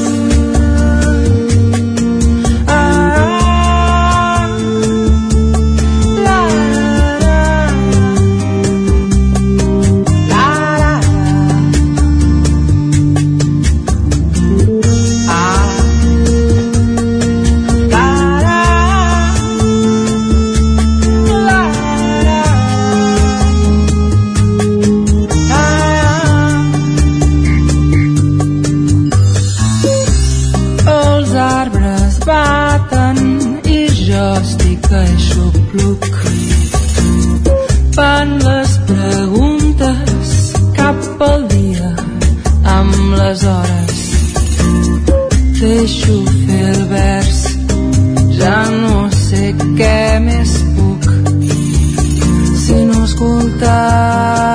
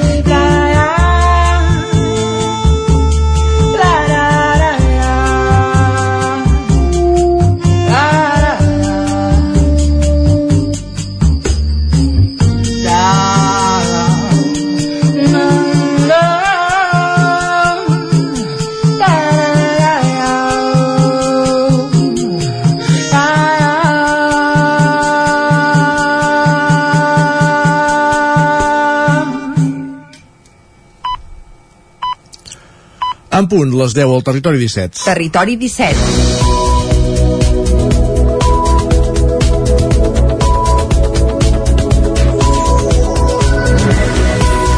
Moment al territori 17 de posar-nos al dia, d'actualitzar-nos amb les notícies més destacades de les nostres comarques, el Vallès Oriental, el Moianès, Osona i el Ripollès, i en connexió amb les diferents emissores que cada dia fan possible aquest programa. Ràdio Cardedeu, Ona Codinenca, la Vela Sant Joan, Ràdio Vic, el 9 FM i el 9 TV. Dos detinguts a Vic per estafar 25.000 euros a una persona gran de la ciutat. Els van enxampar quan van intentar treure més diners d'un compte corrent en una oficina del Ripollès. Els Mossos van detenir entre el 3 i el 7 de març a una dona i un home de 31 i 35 anys com a presumptes autors d'un delicte d'estafa i un delicte de furt. La investigació es va iniciar a principis de febrer quan els Mossos van rebre la denúncia d'un home d'edat avançada de Vic que havia estat víctima d'una estafa i també d'un furt. Concretament, una dona se li va apropar pel carrer explicant-li que era una veïna que el tenia molt vist i que necessitava diners. Després de la gran insistència de la dona, finalment l'home va accedir a anar a l'entitat bancària, treure cèntims i donar-li 800 euros per ajudar-la amb el compromís que li tornaria íntegrament l'import.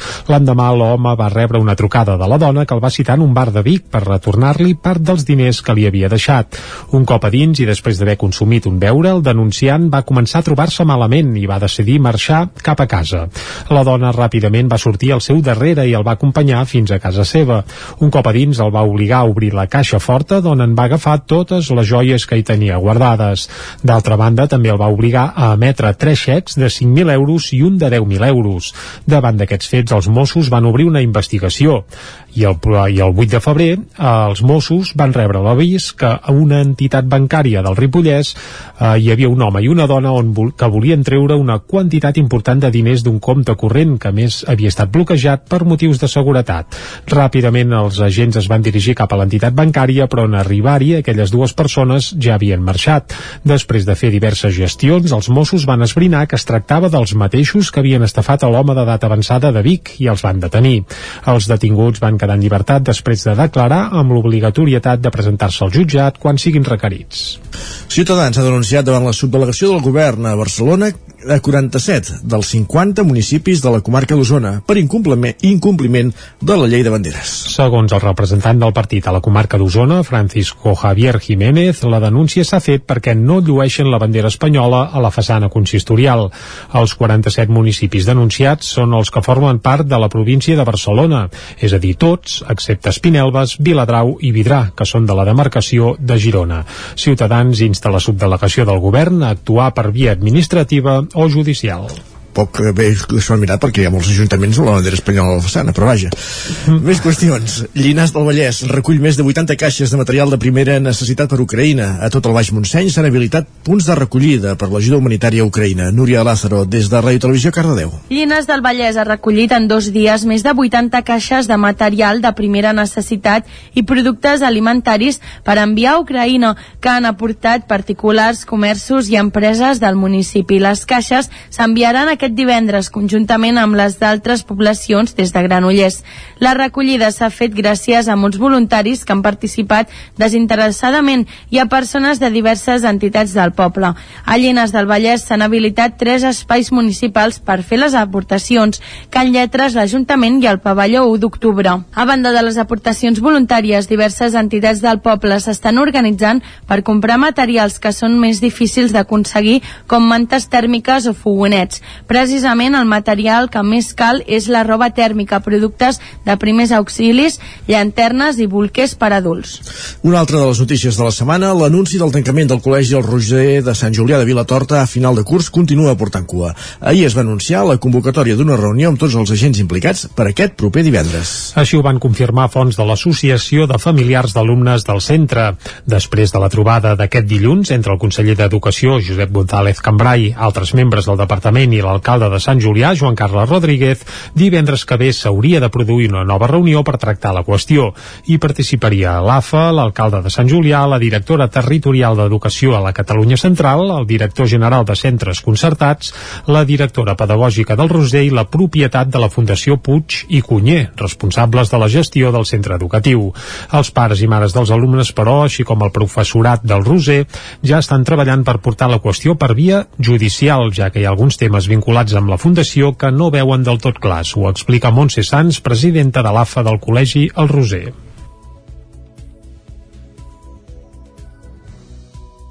Una fundació ha d'explicar també els motius pels que tanca i també els ha de poder demostrar. Suposo que els pares i el professorat necessita una explicació perquè si no jo també puc dir, tu mira, tenco. I no, això no va així o sigui, ha d'haver un auditor, suposo, no? hi ha d'haver alguna auditoria externa. Algunes lleis aquí hi han que s'han d'aplicar que potser no s'han aplicat. Si més no, nosaltres no ens han arribat. Llavors, com que no ens han arribat nosaltres també ens posarem en mans d'abogats professors i els de l'AFA per buscar per buscar la llei, perquè la llei aquí de moment no ens ve, i com que no ens ve l'hem d'anar a buscar. I, de, i ja tenim hora per parlar amb advocats que a més a més ja han tractat temes de fundacions o sigui que són persones que ja saben de què parlen. Montse Sans no és presidenta de l'AFA del Col·legi El Roser, sinó vicepresidenta. Per cert, l'anunci de la reunió de divendres de moment ha servit per aturar la convocatòria de cassolades promoguda des de l'Associació de Familiars d'Alumnes en contra del tancament del col·legi. Ara bé, si no hi ha resultats de la trobada, no descarten tirar endavant noves accions. Anem ara cap al Ripollès perquè Can de Bànol bonificarà el 50% de l'IBI a tots els particulars que instal·lin plaques solars als seus habitatges per autoconsum. Isaac Muntades, des de la veu de Sant Joan. En el darrer ple del consistori, l'Ajuntament de Camp de Bànol va aprovar per unanimitat una moció consensuada entre els tres grups municipals de la corporació, Junts, Esquerra Republicana i la CUP, per bonificar el 50% de l'impost de béns immobles, l'IBI, a tots els propietaris particulars que instal·lin plaques d'energia fotovoltaiques per autoconsum des d'aquest any 2022 i durant els pròxims tres exercicis, és a dir, se'ls faria aquesta rebaixa des de l'any 2023 fins al 2025. L'alcaldessa Dolors Costa va dir que calia convertir Camp de Bànol en un municipi sostenible que aposti per les energies verdes i renovables i va fer referència a un acord de l'ONU del 2015 que es comprometia a erradicar la pobresa i protegir el planeta arran d'una agenda de desenvolupament sostenible articulada al voltant de 17 objectius i 169 fites anomenada Agenda 2030. També va fer referència a la llei contra el canvi climàtic per anar cap a un model 100% d'energies renovables. Desnuclearitzat i descarbonitzat, neutre emissions de amb efecte d'hivernacle que redueixi la vulnerabilitat del sistema energètic català i garanteixi el dret a l'accés a l'energia com a bé comú i concretament han d'anar encaminades, entre d'altres objectius, a impulsar un model energètic en què el consum de combustibles fòssils tendeixi a ésser nul per tal que al 2030 es pugui assolir el 50% de la participació de les energies renovables en el sistema elèctric català per poder arribar al 100% de renovables al 2050. El portaveu d'Esquerra, Toni Rieres, felicitava per haver assolit aquest acord. I ens alegrem de que hem pogut arribar amb aquest consens a l'hora del punt aquest de la proposta d'aprovació de la subvenció i la reducció d'un 50% de l'IBI per la col·locació de plaques fotovoltaiques. Va ser una bona entesa de seguit, un projecte que varen presentar des d'Esquerra Cor Municipal, conjuntament un projecte que va presentar l'equip de govern i el varen modificar i hem arribat amb aquest consens molt fàcil. Ara treballarem conjunts les bases, que serà una cosa molt ràpida i l'aprovació serà segurament en el pròxim ple. La regidora Copaire, Mariona Baraldés, va apel·lar a l'Ajuntament a que tots els edificis que depenen del consistori funcionin amb plaques fotovoltaiques i el regidor Lluís López va respondre-li que ja s'han demanat diverses subvencions i que se'ls hi ha concedit una de 45.000 euros per poder predicar amb l'exemple. I ara cap al Moianès perquè les subvencions d'ajuda als llogaters per persones grans ja estan disponibles en aquesta comarca. Caral Campàs, des d'Ona Codinenca. Les ajudes de l'Agència d'Habitatge de Catalunya tenen les competències transferides al Consell Comarcal del Moianès i des del 25 de febrer ja es poden sol·licitar aquests ajuts destinats a persones de més de 65 anys que viuen en un habitatge de lloguer. Sonsoles Letanc, consellera comarcal de l'àrea d'habitatge, explicava quins requisits s'han de complir. Després eh, també que els ingressos, els ingressos de, la, de la unitat de convivència eh, siguin inferiors a 2,83 vegades a l'índex de renda de suficiència de Catalunya, que actualment està a vora els 8.000 euros a l'any. Eh, després que el lloguer que tingui actualment eh, la persona sol·licitant que sigui inferior a 800 euros de cost, eh, que a més ha de ser el titular del contracte de lloguer i el lloguer ha de ser eh, demostrable. Des de l'Oficina Local d'Habitatge del Moianès també ofereixen assessorament per tramitar la petició de les ajudes a lloguer per a persones grans. Sí, amb l'Oficina Local de l'Habitatge directament eh, ha de comunicar que vol sol·licitar aquest ajut i llavors eh, ja s'acorda l'inici de la gestió, es, es pregunten pels requisits eh, que t'acabo de comentar fa un moment i, i en funció de si és eh, acceptable o no doncs es tira endavant aquest, aquest tràmit i es fa des de l'oficina local de l'habitatge. La convocatòria per demanar les subvencions d'ajut al lloguer per persones grans es tancarà el pròxim 29 d'abril. Pròximament també es tramitaran ajudes per adequar habitatges per incentivar l'eficiència energètica i la conversió a l'ús de les energies renovables. Gràcies, Canal. I ara un, un apunt de la pàgina econòmica. La cadena de supermercats Lidl també vendrà llet a un preu just per al ramader. Ha arribat a un acord amb lletera Campllong i posarà a la venda un bric de a 88 cèntims i se'n pagaran 40 al ramader. La cooperativa lletera Campllong ha signat un acord amb la cadena de supermercats Lidl per vendre la llet a un preu just pels ramaders, de manera similar a com van fer fa uns dies ramaders d'Osona amb el grup Bon Preu. Lidl pagarà 40 cèntims per cada litre de llet i la i la vendrà, volem dir, a 88 cèntims al centenar d'establiments que la cadena té a Catalunya. La presentació del nou producte es va fer divendres passat al Mercat de Sant Antoni de Barcelona i va comptar amb la presència de la consellera d'Acció Climàtica, Alimentació i Agenda Rural, Teresa Jordà. D'entrada es posaran a la venda 150.000 litres de llet al mes, però Lidl ja ha avançat que preveu ampliar l'oferta si el producte té èxit. La llet prové de 40 explotacions que compten amb el certificat Wolford de benestar animal de diferents punts de Catalunya. Cooperativa de Campllong va formar part de Llet Nostra fins al 2016, quan va tancar l'envasadora que hi havia a Vic. Des d'aleshores va crear la Societat Làctia, conjuntament amb l'andalusa Covap, per continuar produint brics per a la marca Hacendado de Mercadona a Vidreres, on també s'envasa la nova llet per a Lidl i la que Capsa Food, que Grupa Central Lechera Asturiana i Ato distribueixen a Catalunya, que fins llavors també s'envasava a Vic. Arribats a aquest punt, tanquem el bloc informatiu que començàvem a les 10 en companyia de Jordi Sunyer, Caral Campàs, Isaac Muntades i Núria Lázaro per conèixer la previsió meteorològica. Saludem tot seguit en Pep Acosta.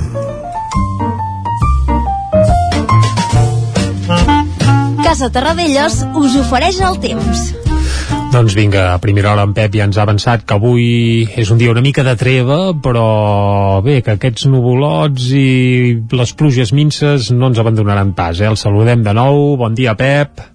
Hola, bon dia. Bona hora. Avui ens enllarguen temperatures força baixes, força baixes, torna aquest ambient força hivernal, i avui ens veiem amb núvols, però mica en mica se n'hi han desfent. I de cara a migdia tarda quedaran ja molts menys núvols, i fins i tot tindrem alguna clariana. No farà un dia sol, ni molt menys, però sí que tindrem ja una pausa amb aquests eh, fronts que s'estan passant. Per fi van canviant les, peces meteorològiques. Teníem aquell anticicló dies i dies i dies, i ara no paren de passar fronts un rere l'altre, eh? Per fi ja veieu aquest canvi de peces meteorològic que és molt, molt interessant i per fi es produeix. Uh, tenim un front que passarà segurament demà, entre demà i divendres, i un altre que passarà entre diumenge i dilluns.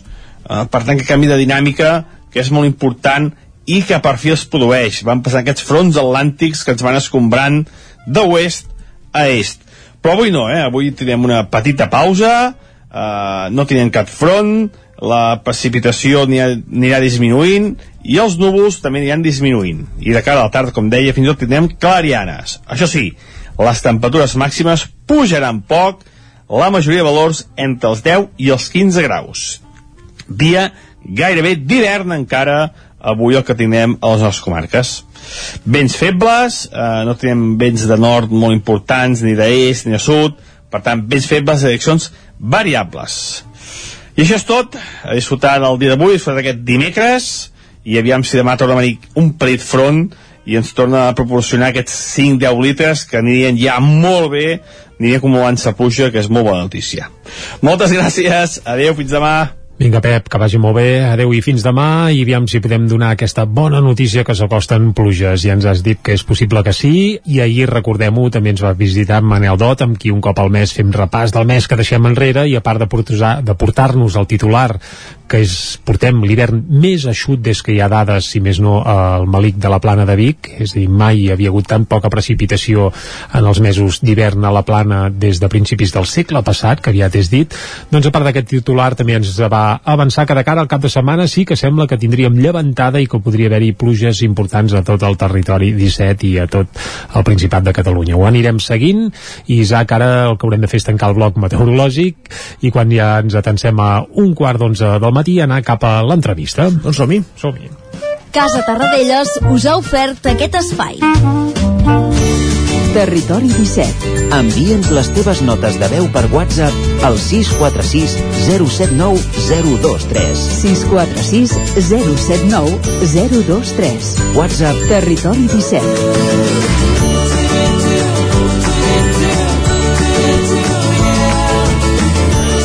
Territori 17. Som a Facebook, Twitter i Instagram amb l'usuari Territori 17.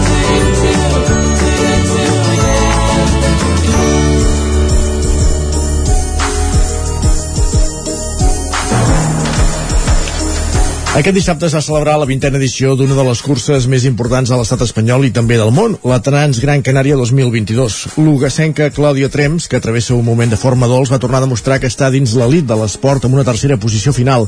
Trems va marcar un temps de 16 hores, 45 minuts i 35 segons a la prova de 126 quilòmetres i gairebé 7.000 metres de desnivell positiu.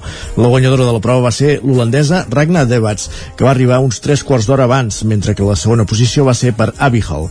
Avui tenim a la Clàudia al telèfon per poder explicar aquesta nova gesta que ha aconseguit amb només 25 anys. Bon dia, Clàudia. Bon dia, què tal? Molt bé, tu? Recuperada ja? Bé, bé. Bueno, no, podríem dir que no, que em sembla que és la primera cursa que pateixo tant físicament i res, estic amb una lesió que veurem el temps que em porta parada. Mm, o, o, on és la lesió?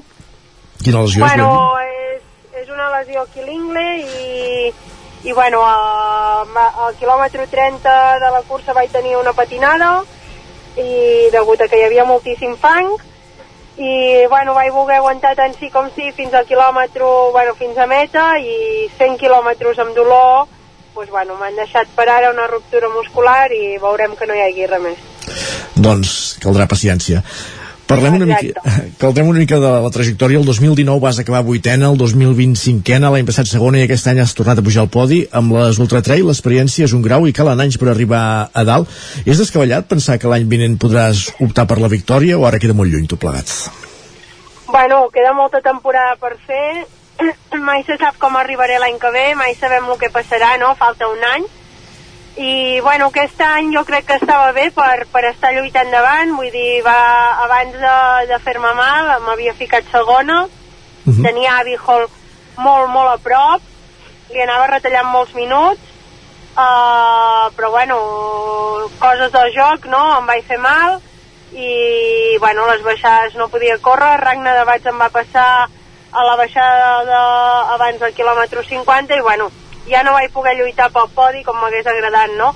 Uh -huh. Qui sap si no m'hagués fet mal, què hagués passat, poder, se, bueno, poder hagués tingut dolors d'estómac, a saber, no? Però jo em trobava bé per estar davant i per lluitar contra les de davant. Però és, és com una animalada, no? Córrer 100 quilòmetres lesionada. En, aquell, en aquells moments què senties? Evidentment et podien les ganes, però suposo que el mal el podies contenir. Sí, a veure, jo, jo tenia molt dolor, veia que no era cap os patat, no?, perquè, o sigui, lògicament podia córrer, però bueno, jo crec que, que això primer, uh, al principi devia ser una ruptura molt més petita de lo que és ara, no? Uh -huh. També és cert que a la baixada cap al quilòmetre 100, cap al poble de Sant Bartolomé Tunte, em vaig arriscar perquè anàvem amb un joc frec a frec amb la quarta, amb la Caitley Gotch, i bueno, vaig pensar que psicològicament arribar així fins als últims 8 quilòmetres, que és un barranc infernal de pedres, uh, que no era el millor, no? Llavors allà aquella baixada vaig tenir l'oportunitat de passar-la, d'agafar-li força distància, i me la vaig jugar corrent ràpid en baixada, que és quan tenia dolor, i venia una pujada, la vaig fer quasi bé tota corrent, uh, sabia que allò em podia passar factura al cap d'una hora i que podia ser que ho pagués molt més car però bueno, em va sortir bé la jugada i res, la penúltima baixada sí que me la vaig jugar moltíssim, vaig baixar molt ràpid vaig enganxar un noi de la marató que anava molt ràpid i m'anava obrint pas entremig dels corredors de la marató i la veritat és que allà va ser on crec que em vaig acabar de lesionar fort Uh -huh. però bueno, mm, em va sortir bé l'estratègia per fer tercera Està clar. uh, el que tu dius la l'experiència és un grau, no? El saber gestionar, el saber uh, bueno, en cada moment el que més o menys et sembla que has de fer i el que serà millor i bueno mm, uh, bueno les coses van anar així hi ha una lesió poder si, si no m'hagués arriscat a les últimes baixades hi hauria la mateixa lesió, així que ara no podem tornar enrere ni lamentar-nos per res, toca, bueno, Tirar endavant, tirar endavant, està clar. i tirar endavant, Mhm. exacte. Uh, la, més enllà de, de la lesió, la cursa també ha de tenir les seves adversitats per unes condicions climatològiques especialment dures, amb, amb, amb, amb, amb temperatures extremes tant de fred com, com de calor, com i pluja fins i tot. Com, com es passa d'una situació a l'altra, diguéssim? Com, com ho gestioneu tot això? Sí, la veritat és que l'any abans ja hi havia hagut condicions molt dures, és més, l'any abans jo vaig liderar la cursa fins al quilòmetre 70, on vaig agafar una hipotèrmia, llavors, bueno, aquest any no vam sortir plovent, però al quilòmetre 5 ja, ja ruïnejava una mica, llavors ja sí, al quilòmetre 30 ja, ja plovia, i va ser molt, molt, molt dura la nit, a les zones altes el vent bufava amb molta intensitat, jo quan el vent em venia de cara no podia ni córrer, havia de caminar, i si veia un frontal a darrere eh, esperava que em passés i ficar-me a darrere seu, no? perquè a mi m'era molt difícil i gastava moltíssima energia intentant córrer contra el vent, ja et dic, o sigui, caminar ajupida era la millor opció. Llavors, jo per sort, bueno, amb l'experiència de l'any passat, aquest any venia preparada, no volia que em tornés a agafar una hipotèrmia, i res, jo al quilòmetre uh, al quilòmetre 60 crec que va ser, em vaig ficar els guants d'esquiar amb unes manoples per poder, perquè sabia que venia una part de moltíssim fred, jo em pensava inclús que al quilòmetre 60 a Artenara ens, ens pararien la cursa, ens dirien que ja s'ha acabat, i la veritat és que quan vaig arribar allà i vaig veure que tot seguia, em vaig espantar una mica, no?, perquè del tros que jo venia, que és força més bo que el que em tocava fer, pues les havia, eh, ho havia passat molt, molt malament amb el vent. Llavors, bueno, va- vaig agafar els guants d'esquiar i em vaig abrigar bé i vaig continuar la cursa. Però hi havia moments, perquè és una part que passes com per un penya-segat, i el vent bufava de la dreta i em tirava contra les pedres de l'esquerra.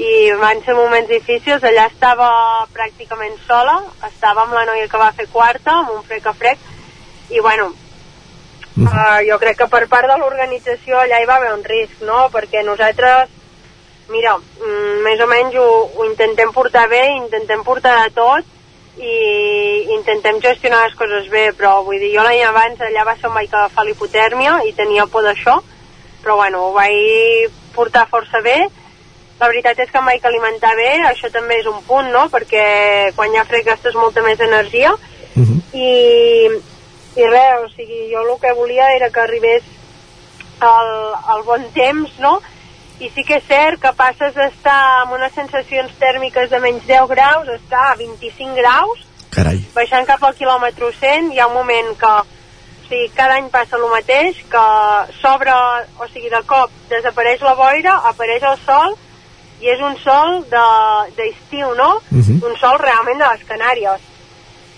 Sí, sí. I, bueno, després sí que passes un infern de calor fins a meta eh, molt, molt, molt gran. Vull dir, jo allà vaig veure moltíssima aigua, em vaig hidratar moltíssim, perquè ja ho sabia de cada any, i res, vull dir, quan vaig arribar a l'hotel tenia els braços cremats del sol, vull dir, imagineu-vos amb les poques hores que vaig gastar jo de sol, com em vaig cremar.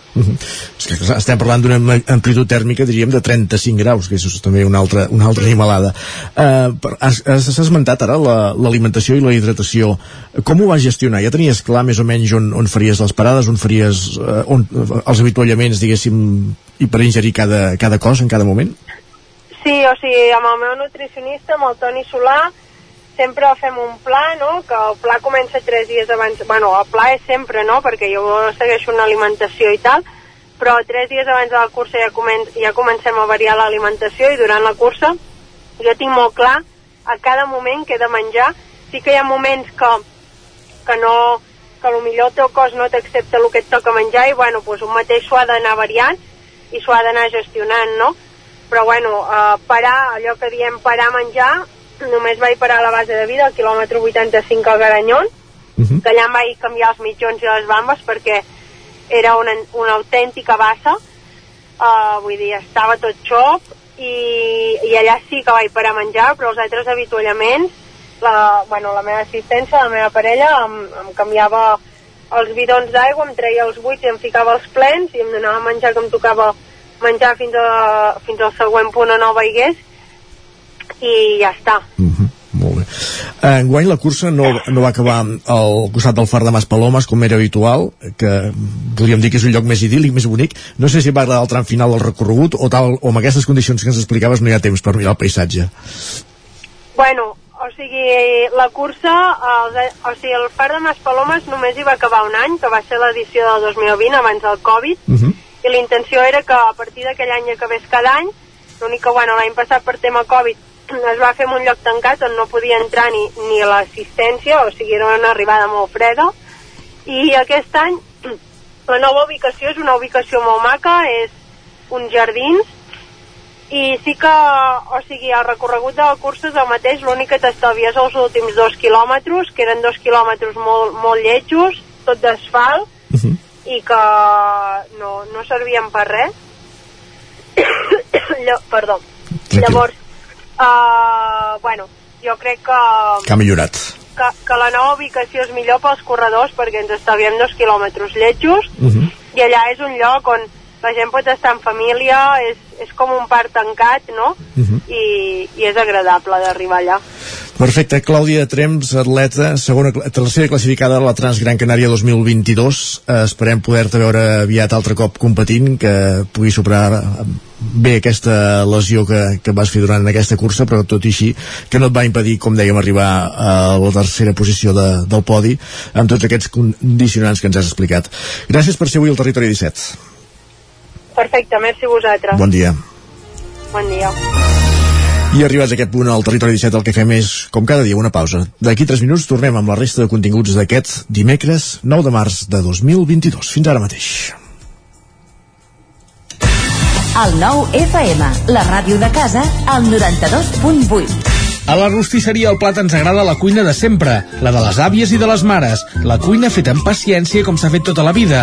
Vine a provar els nostres canelons gruixuts o els croquetons, les nostres croquetes de 80 grams, i recupera el gust del pollastre a com els que es menjaven abans. Ah, i aprofita, fins a finals de febrer, 20% de descompte en els canelons i el pollastre. Rostisseria El Plat, encàrrecs fins a les 12 del migdia i servei a domicili. Ens trobaràs de dijous a diumenge al carrer Església número 6 de Taradell o al 93 135 58 85. Rètols 2A. Experts en comunicació visual. Rètols, banderoles, vinils, impressió, plaques gravades, senyalització, displays... Rètols Dos Art. Ja són 25 anys al vostre servei. Ens trobareu a la carretera de Vic a Olot, número 7, al polígon Malloles de Vic. dosartvic.com Telèfon 93 889 2588 Cobertes serveis funeraris.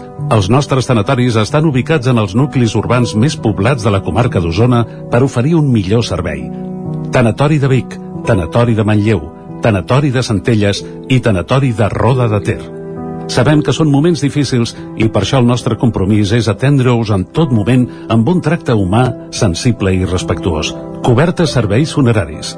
Telèfon 24 hores 93 883 23 46.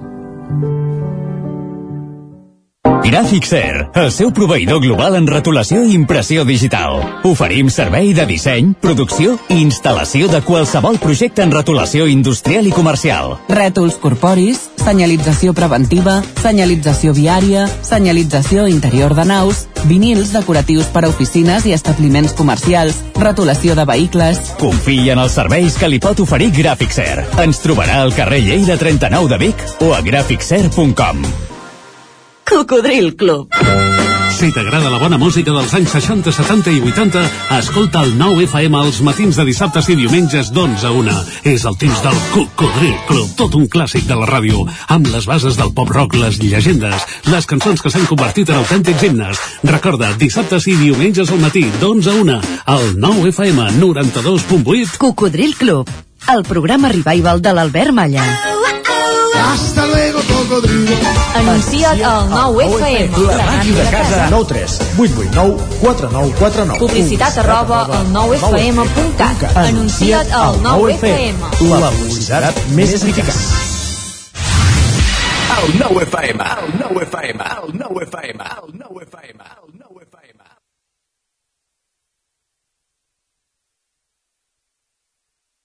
thank you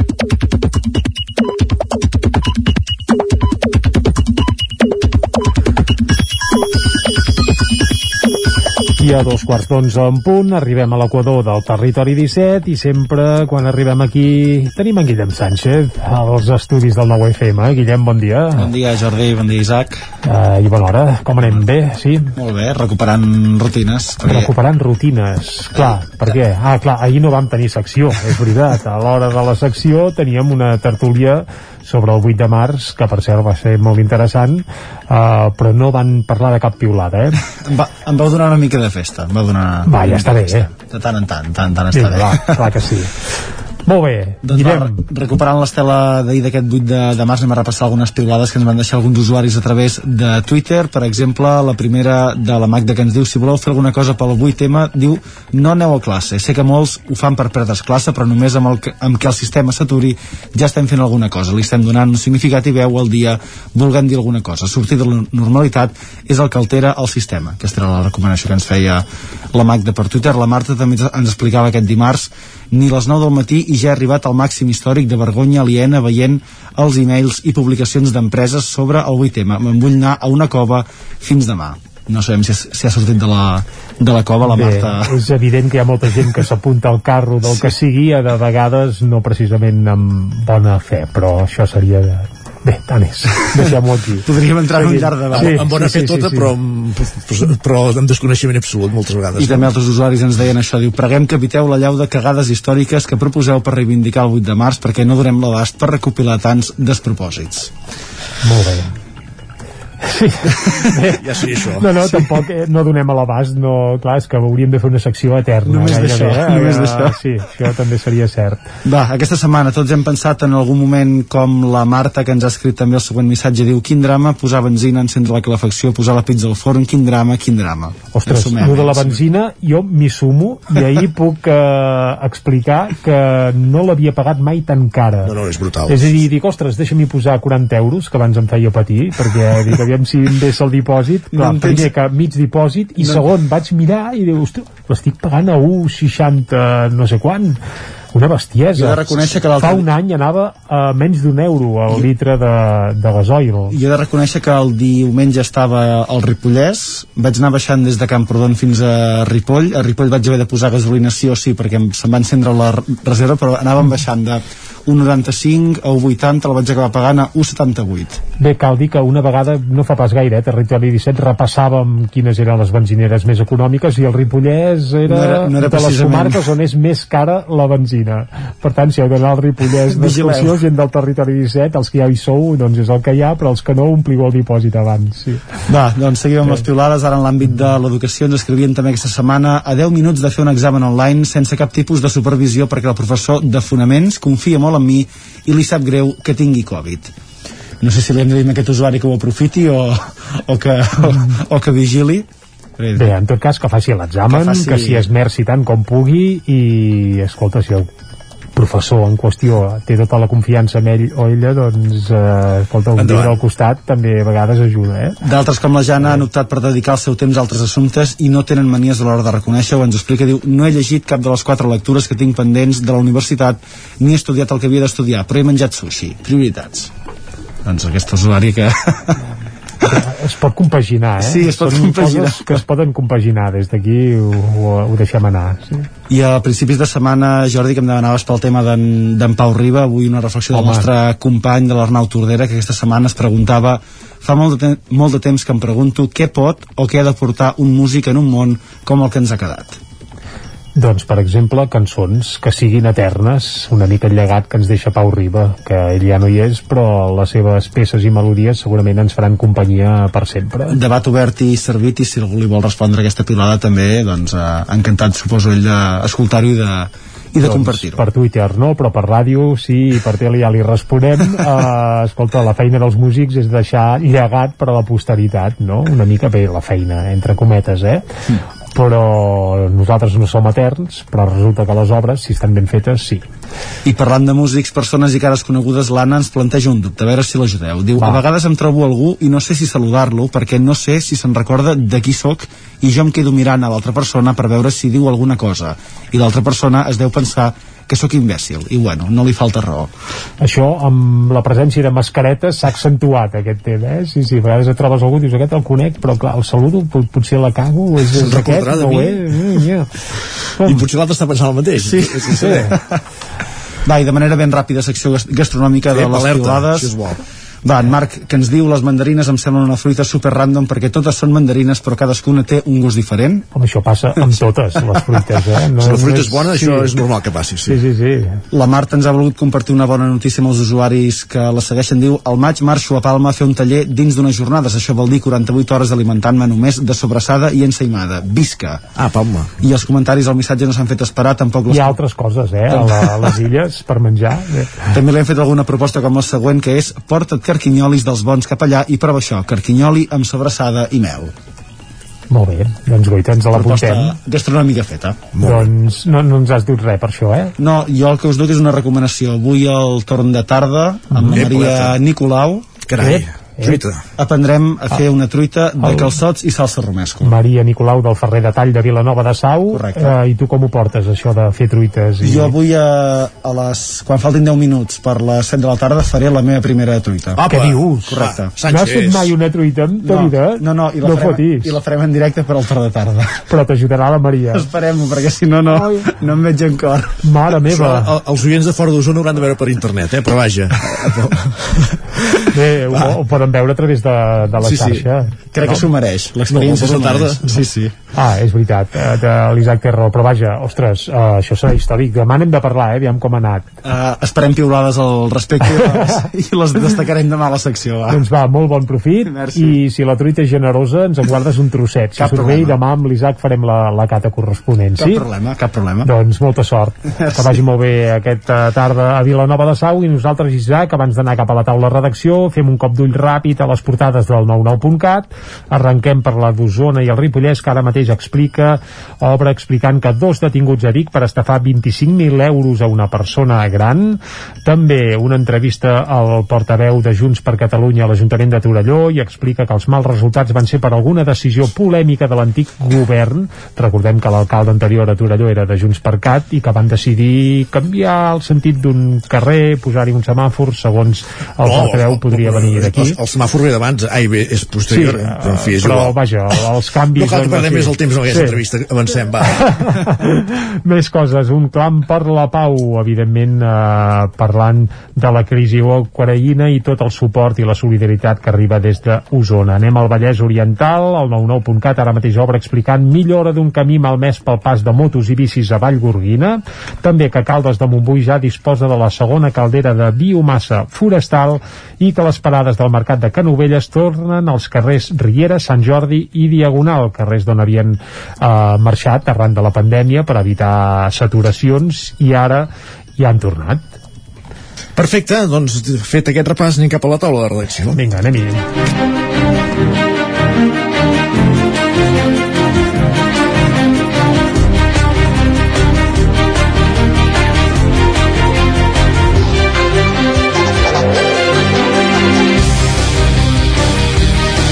Taula de redacció avui en companyia de Guillem Freixa i Jordi Vilarrodà. Eh, ahir va ser 8 de març, va haver-hi molts inputs informatius, però clar, també és cert que dilluns, la vigília, va haver-hi ple a l'Ajuntament de Vic, Guillem. Exacte, com més habitual, eh? el primer dilluns de cada mes, el ple municipal a la capital d'Osona, a la ciutat de Vic, i en aquesta ocasió, a l'ordre del dia, hi havia diversos punts destacats. El primer va ser precisament el número 1, que va ser la presentació de l'informe que cada any porta en el ple municipal el síndic de Vic, uh -huh. aquesta figura que es va crear eh, fa ara ja 4 anys eh, a Vic eh, i que té com a funció doncs, escoltar la ciutadania, rebre queixes que potser eh, no han acabat de ser ateses eh, en l'administració o que la gent no sap ben bé on ha d'anar a queixar-se, doncs el síndic de Vic recull aquestes queixes, les intenta solucionar en el cas que tingui competències i en cas que no el que fa és una derivació o intentar buscar eh, com ho ha de fer aquesta persona per trobar la situació. El síndic de Vic, que és eh, Joan Sala, va ser present en el ple municipal de Vic, a la sala de plens, i va desgranar en primer lloc les dades. Va posar molt l'accent en, aquest, eh, en aquest fet, eh, que ell desgranava les dades per fer una mica de radiografia del que havia passat, però que per fer una valoració no ens podíem centrar en les dades, sinó que havíem de veure la utilitat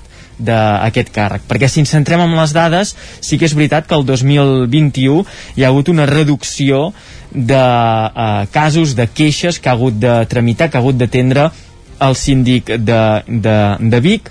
En aquest cas han sigut 74 queixes, les que ha rebut durant el 2021, que queden lluny de les 101 que hi va haver el 2020 o les 82 del 2019. Ell també va matisar una mica aquesta dada, eh, uh -huh. va explicar, òbviament, que la pandèmia doncs, ha tingut un efecte en, en la reducció de, de la gent que s'acosta al síndic a, a presentar les seves queixes i també una altra variable, en aquest cas personal, i és que Joan Sala eh, va patir la Covid-19 eh, a més a més amb un procés força, força greu i va estar eh, tres mesos sense poder atendre en aquesta funció de síndic de Vic. Com dèiem, en total 74 queixes, 51 van ser admeses, això vol dir doncs, que es va escoltar el ciutadà, es va derivar cap a qui ho podia resoldre i es va atendre aquesta queixa. No vol dir que s'hagin solucionat totes, però sí que s'han atès i després n'hi han hagut 14 que no han sigut acceptades. Els àmbits d'aquestes eh, queixes que han arribat al síndic de Vic, de Vic doncs la majoria vinculades a l'àrea de benestar i família, també eh, a mobilitat i urbanisme i en tercer lloc a temes de convivència i de seguretat. Eh, Sala el que va remarcar és que no hi ha queixes insignificants. Aquesta aquesta idea la va deixar anar durant l'explicació en el sentit que eh, tant és important eh, una persona, ell posava un cas, eh, una persona que va caure al mig de Vic i se li van trencar les ulleres i no li estaven a l'hora de, de, bueno, d'arreglar-li aquestes ulleres o de tornar-li a pagar tenint en compte que es va fer mal amb mobiliari urbà, uh -huh. o un altre cas en què eh, el síndic no tenia competències però sí que va ajudar a assessorar, a informar aquesta família, una família eh, de Vic que amb unes obres obres eh, del servei de gas doncs els hi van perforar una tuberia i han estat 4 mesos sense servei de gas a casa seva. Remarcava això, eh, que no hi ha queixes insignificants i que la gent el que vol és sentir-se escoltada, sentir-se acompanyada i que aquesta és la gran utilitat del síndic de Vic. Per anar acabant amb el síndic, el, les edats, ell eh, deixava anar que la gent jove eh, es queixa poc, perquè la majoria de queixes 47 pertanyen al grup de més de 60 anys, persones de més de 60 anys que es queixen, en segon lloc el de 35 a 41 i per últim els eh, menors de 40 anys el síndic va presentar aquest informe i en el ple també van entrar alguns temes eh, que van generar debat eh, polític, un d'ells, per exemple, eh, un aprofitament de romanent, recordem que des de fa un temps es permet utilitzar romanent per eh, despesa en els ajuntaments i Vic, aquest ple del de, mes de març, va aprovar una injecció de romanent de 3,7 milions d'euros i des de l'oposició eh, s'explicava que aquesta mesura no hauria de ser per algunes de les partides que s'incloïen en aquestes inversions a fer amb el romanent. Ells posaven molt l'accent, per exemple, en uns 572.000 euros que es destinaran a asfaltatge.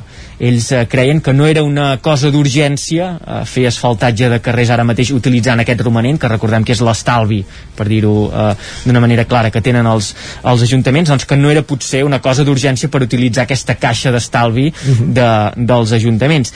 I per últim, també hi va haver una altra enganxada perquè va sortir el tema del futur aparcament que es farà al Parc Maria Àngels Anglada és un parc molt cèntric a la ciutat de Vic just al nucli històric, històric mhm. que va lligat en el servei que es farà en l'edifici del costat el seminari eh, vell, vell eh, mhm. perquè sigui també més, més útil aquest edifici es farà aquest aparcament a sota i des de l'oposició doncs, es va dir que es tractava de clientelisme perquè s'estava afavorint a l'empresa que es col·locarà en aquest edifici del seminari vell anant en contra, eh, pel que deia l'oposició d'aquesta idea de treure cotxes del casc antic que s'ha anat promocionant els últims anys doncs ara s'hi farà un aparcament de rotació per tant vol dir moviments de, de vehicles. Hi va haver aquesta enganxada i una mica serien els grans temes que es van tractar en el ple municipal de Vic. Perfecte Guillem, doncs moltíssimes gràcies per aquest exhaustiu repàs el que va ser el ple de l'Ajuntament de, del passat dilluns.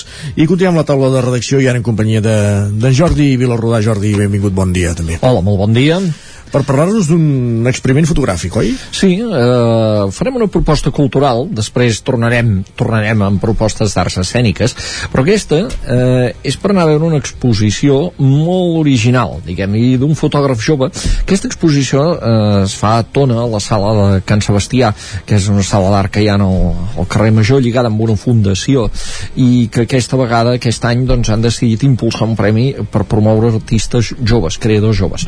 I va presentar un projecte, un noi un jove estudiant de fotografia tonenc que es diu Gerard Cilleros, i el nom del projecte, així eh, dit, és en anglès, Encounters on the Invisible Line, o sigui, trobades en la línia invisible. Però què vol dir això? Ara us ho traduirem. Ara vosaltres imagineu que agafeu al centre de la comarca i a partir d'aquí feu eh, unes línies eh, equidistants, més o menys, sí. seguint, doncs, el, seguint els punts cardinals, 16 en total, eh? el nord, nord-est, sud, sud-est, 16. I mireu des del centre de la comarca fins allà on es porten, fins allà on és el límit de la comarca, o sigui, aquestes línies, i allà doncs, hi ha un punt on aquesta línia es troba amb el límit d'Osona. Allà eh, en Gerard, el fotògraf, diu aquí vaig a fer una foto i per tant, o sigui, es tractava de fer 16 fotografies en 16 punts del límit d'Osona, de la frontera d'Osona. Per què se li va acudir aquest projecte? Doncs perquè els límits han estat importants a les nostres vides últimament. Nosaltres hem viscut condicionats pels límits. Ell, ell quan fa aquest projecte, estem en aquella situació que ara ja no ens en recordem, però no fa gaire més d'un any, de allò del confinament comarcal, que tu no podies sortir de la comarca, no podies escapar de la comarca. Per tant, el límit, la frontera, en aquell moment era important, era el teu límit límit vital. I a partir d'aquí doncs ell fa aquest, desenvolupa aquest projecte i, i va allà en el punt on li ha quedat assenyalat en el mapa, amb unes coordenades va veure què hi troba. I la curiositat és això, veure què hi troba eh, veure quin paisatge hi troba, que a vegades no és un paisatge idíl·lic, que a vegades hi trobarà doncs, una carretera, hi trobarà una barraca abandonada, eh, hi trobarà coses que no són el paisatge idíl·lic d'Osona que nosaltres ens podem imaginar. Fins i tot hi ha algun que diu, no, hi trobo un punt inaccessible on no puc arribar-hi amb la càmera i per tant busco de fer la fotografia en un altre lloc proper. I, i aquestes fotografies, que són una sèrie que ell en té més de 50, però n'exposa, doncs, eh, em sembla són 16 fotografies en, en la sala de, de Cal Sebastià eh, és el que conforma aquest projecte eh, que és un projecte que té diferents capes de lectures eh? una reflexió sobre la intervenció humana en el paisatge sobre el pas del temps en aquests llocs eh, imagina com serà això d'aquí 100 anys això ho haurà absorbit el paisatge aquesta traça de que l'home ha estat allà i ha fet una, una construcció per exemple eh, bé, el tema de les fronteres aquests dies veiem que és molt important per exemple, una reflexió sobre les fronteres. Bé, tot això doncs, es desenvolupa gràcies a un una beca que la sala aquesta de Cal Sebastià on fa, on es fa l'exposició la gestiona una fundació de Tona, la fundació privada Buixaderes Grau. I eh, aquí van fent exposicions periòdicament. I han convocat aquesta beca per artistes joves. Eh, en Gerard o el que ho faci l'any que ve rep una quantitat de diners són 500 euros per ajudar-lo a la producció del projecte. I això doncs hi ha l'intenció que es vagi mantenint. Que la sala fa uns quants anys ja que funciona, fa més de 10 anys però a partir d'ara crea aquesta beca per artistes joves que cada any anirà doncs, eh, premiant un projecte que presenti doncs, algun dels creadors emergents que tinguem a la comarca, com en Gerard, que és estudiant de fotografia i que s'està obrint camí en aquest, en aquest àmbit. Perfecte, doncs moltes gràcies per la per l'explicació, Jordi, i estarem pendents. Moltíssimes gràcies, bon dia. Molt bé, bon dia. Fins ara. I ara al Territori 17 el que fem és anar a parlar de literatura. Entrem de seguida al Lletra Ferits.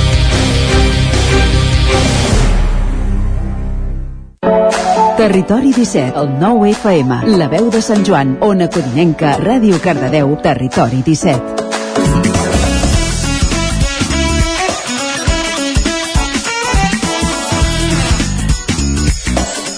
Com dèiem, som al Lletra Ferits, ara que falten 11 minuts perquè siguin les 11. Aquest 2021, Vigues i Riells del FAI eh, va celebrar el 180è aniversari del naixement de l'escriptora i poetessa Maria de Belllloc.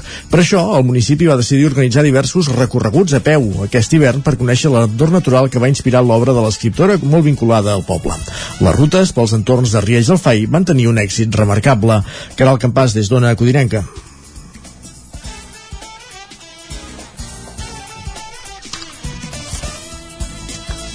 Caral. Sí, per, perdoneu. Eh, Sí, com bé deies, hi van participar més de 200 persones en les quatre rutes organitzades eh, i l'encarregada d'aquestes rutes guiades va ser Núria Bellavista, que és experta en la figura de l'autora i per poder doncs, parlar-ne i, i conèixer qui era l'autora tenim a Núria Bellavista al telèfon. Bon dia. Hola, bon dia. Uh, la família de Maria de Belllloc tenim entès que, que vivia a Vigues inicialment però va marxar a viure a la capital catalana, a Barcelona. Um, quina és, doncs, la, la vinculació de l'autora amb Vigues? La seva vinculació és el casal dels seus avis. Ella va néixer a Barcelona perquè la família es va traslladar a Barcelona però va deixar les joves de Camp Fonts però eh, pujaven sovint a fer llargues estades a la casa Pairà. Uh -huh. Uh, Maria de Belloc no és el seu nom real, oi? Per què utilitzava aquest pseudònim? El per què no ho sabem, però sí que és interessant perquè primer uh, el seu nom és Maria, per tant no va fer servir cap més altra, i hi ha dues teories. Una és la vinculació amb una senyora de Belloc del, del castell de la Roca, i l'altra que és la meva, que eh, jo crec que es diu Maria perquè es diu així i ben lloc perquè li encantava el lloc on ella estava a casa Cesari. Uh -huh. No ho sabem, no ho hem trobat així, no, no, no ho hem trobat, o per què.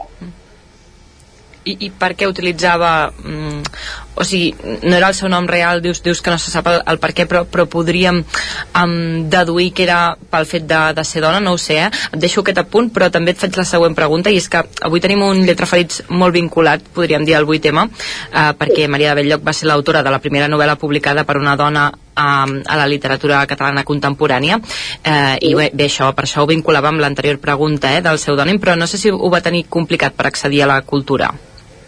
No, perquè ella formava part d'una família benestant de Barcelona, però tots molt cultes, molt oberts um, social i, i, i de lletres, vull dir, era un món molt, molt, uh, molt actiu culturalment, val?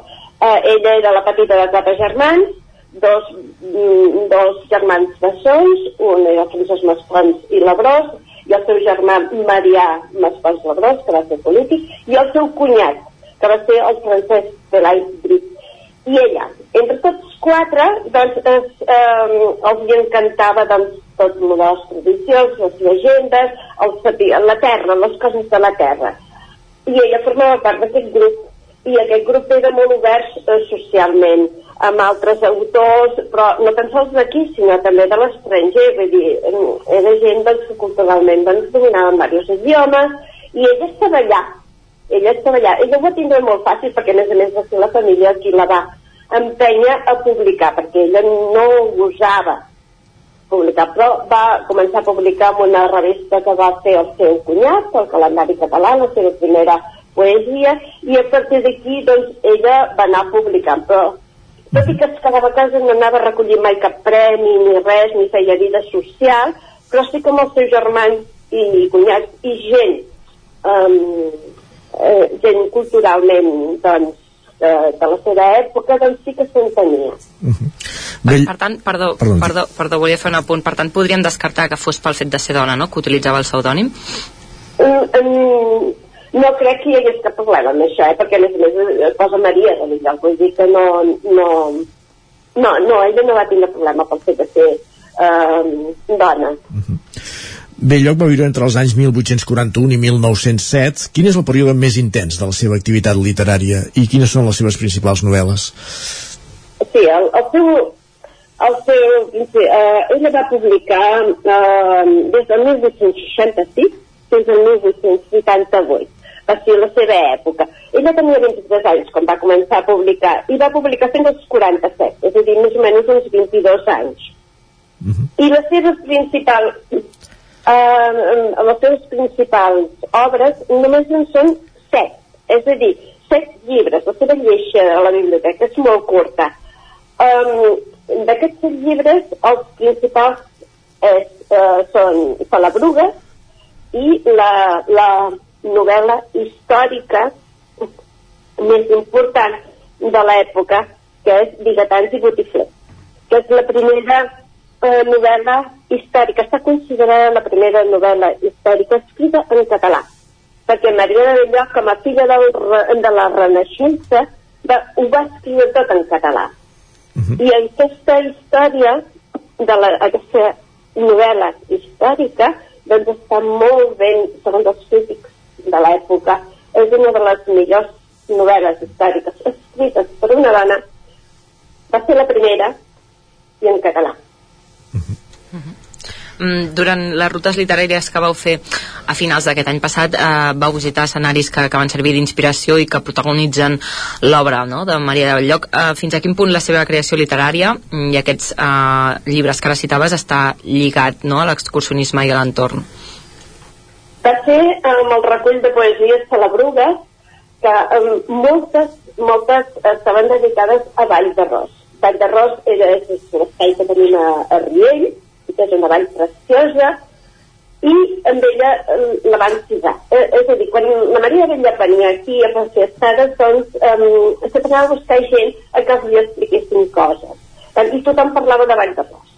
I un dia, segons el seu germà, que està escrit, eh, doncs, eh, ens, ens deixa escrit doncs, que un dia la Maria de Bellà, la seva germana, va agafar un mosso de casa com a bon fill dels cingles i va fer que l'acompanyés a Vall d'Arròs. A Vall d'Arròs i va pujar fins a dalt. Vull dir que uh, ell em, um, vaig calcular amb 34 anys, vull dir, és que no ho sé, però Vall d'Arròs, coneix Vall d'Arròs i puja dalt fins la cova del Mor i tot això, hi ha unes estimbes que no vegi. Però ella va fer-ho. I a partir d'aleshores, eh, doncs, ella ja va anar, va excursionejar. Com ho va fer? No ho sé, perquè les dones no podien ser membres de membres d'excursionistes i tal, però bueno, amb la família podia anar tot arreu i va excursionejar molt. És a dir, que tot el que ella ens ha deixat escrit aquí a Vigues té sempre el punt de realitat i tu pots anar um, controlant els llocs, perquè ja t'ho deixa escrit, per tant, si no coneixes els llocs no els pots deixar escrit ni els té. Uh -huh. Això és el seu valor, que ens ha deixat la Maria Bellà aquí. Uh, parlaves d'aquestes excursions, entenem que per diferents indrets de Catalunya, diguéssim, per on es va moure? Es va moure um, a darrere dels seus germans, doncs perquè tots anaven a, a, a, a, arreu de Catalunya, i també um, a Mallorca, que eh, tenia familiars, i València. Però també tenia correspondència amb gens occitans, eh? I, i més enllà. És dir, que s'escrivia amb altra gent. Però d'excursió excursió, perdó, que estem en el tema de l'excursió, doncs sí que es va moure per Catalunya, però amb els seus germans. Això sí, perquè van fer una, una tasca um, molt important de recolliment de, de coses, de científics, literàries, patrimonials, van fer una bona tasca en això, i ella també hi anava. Uh -huh. Caral, algun dubte més per aclarir? Mm, apuntaves um, que ella inicialment no volia publicar i que va ser la família que, que la va impulsar uh, no sé si ella potser no, no estava prou segura de l'obra que havia creat o quins set sous hi havia al darrere doncs segons el seu cunyat diu, diu que que era filla de la inexperiència vull dir que no, eh, diu, no ho veia clar. I, i no, no, no s'atrevia a fer-ho no? I, diu, i després eh, jo li vaig dir doncs, que no pateixis, jo t'ajudo tu m'escrius um, una peça i la publicarem. I així ho vam fer. I ho, va, ho vam publicar al calendari català. La primera poesia que va ser Joances Uh -huh. uh, i a partir d'aquí, bueno, la poesia, la Maria de Belloc no va ser, va ser una poesia més de cor que no pas de cap. És a dir, que ella no tenia eh, eh, els coneixements de mètrica i coses d'aquestes, no tenia la formació. Per tant, doncs, ja, la poesia, la Maria de Villar no és gaire però com a novel·lista, com a novel·lista, segons els crítics de, de l'època, va ser cap de brot, és a dir, la millor. Clar que només en va escriure una. Només escriure Bigatans i Botiflers, però escriure Bigatans i Botiflers el 1878 eh, amb tot eh, amb, amb, una bona, amb, una bona trama, amb personatges i amb un fet històric eh, que s'acaba el 1614 i tal com l'ha escrita té, eh, eh, conté tots els elements de, de novel·la d'intriga, de personatges, de, de llocs eh, història que no, no té ningú de la seva època. Per això està considerada la primera novel·la històrica en català escrita per una dona i és la nostra Maria de Llach. Núria Bellavista, gràcies per acostar-nos avui la, la figura de Maria de Belllloc a, a Letra Ferits al territori 17 i gràcies per ser avui amb, amb nosaltres. Eh, Una cosa, puc dir una cosa? I tant, sí, sí. Sí. Mira, uh, Maria de Belloc era Maria, Maria Pilar Maspons Labrós. I ella sempre va ser una persona soltera. Vull dir que això és un dels, dels que aquestes jornades de, em, em, es tenia que explicar. La Maria de Belloc no es va casar mai. Doncs a punt fet queda recollit. Com deia, moltíssimes gràcies per ser avui al Territori 17. Sí, Gràcies a vosaltres. Bon dia. Gràcies també, Caral, parlem d'aquí una estona a l'agenda. Fins ara. Fins ara, i ara el que fem tot seguit al Territori 17 és actualitzar-nos quan passa mig minut de les 11 del matí. Territori 17, amb Isaac Moreno i Jordi Sunyer.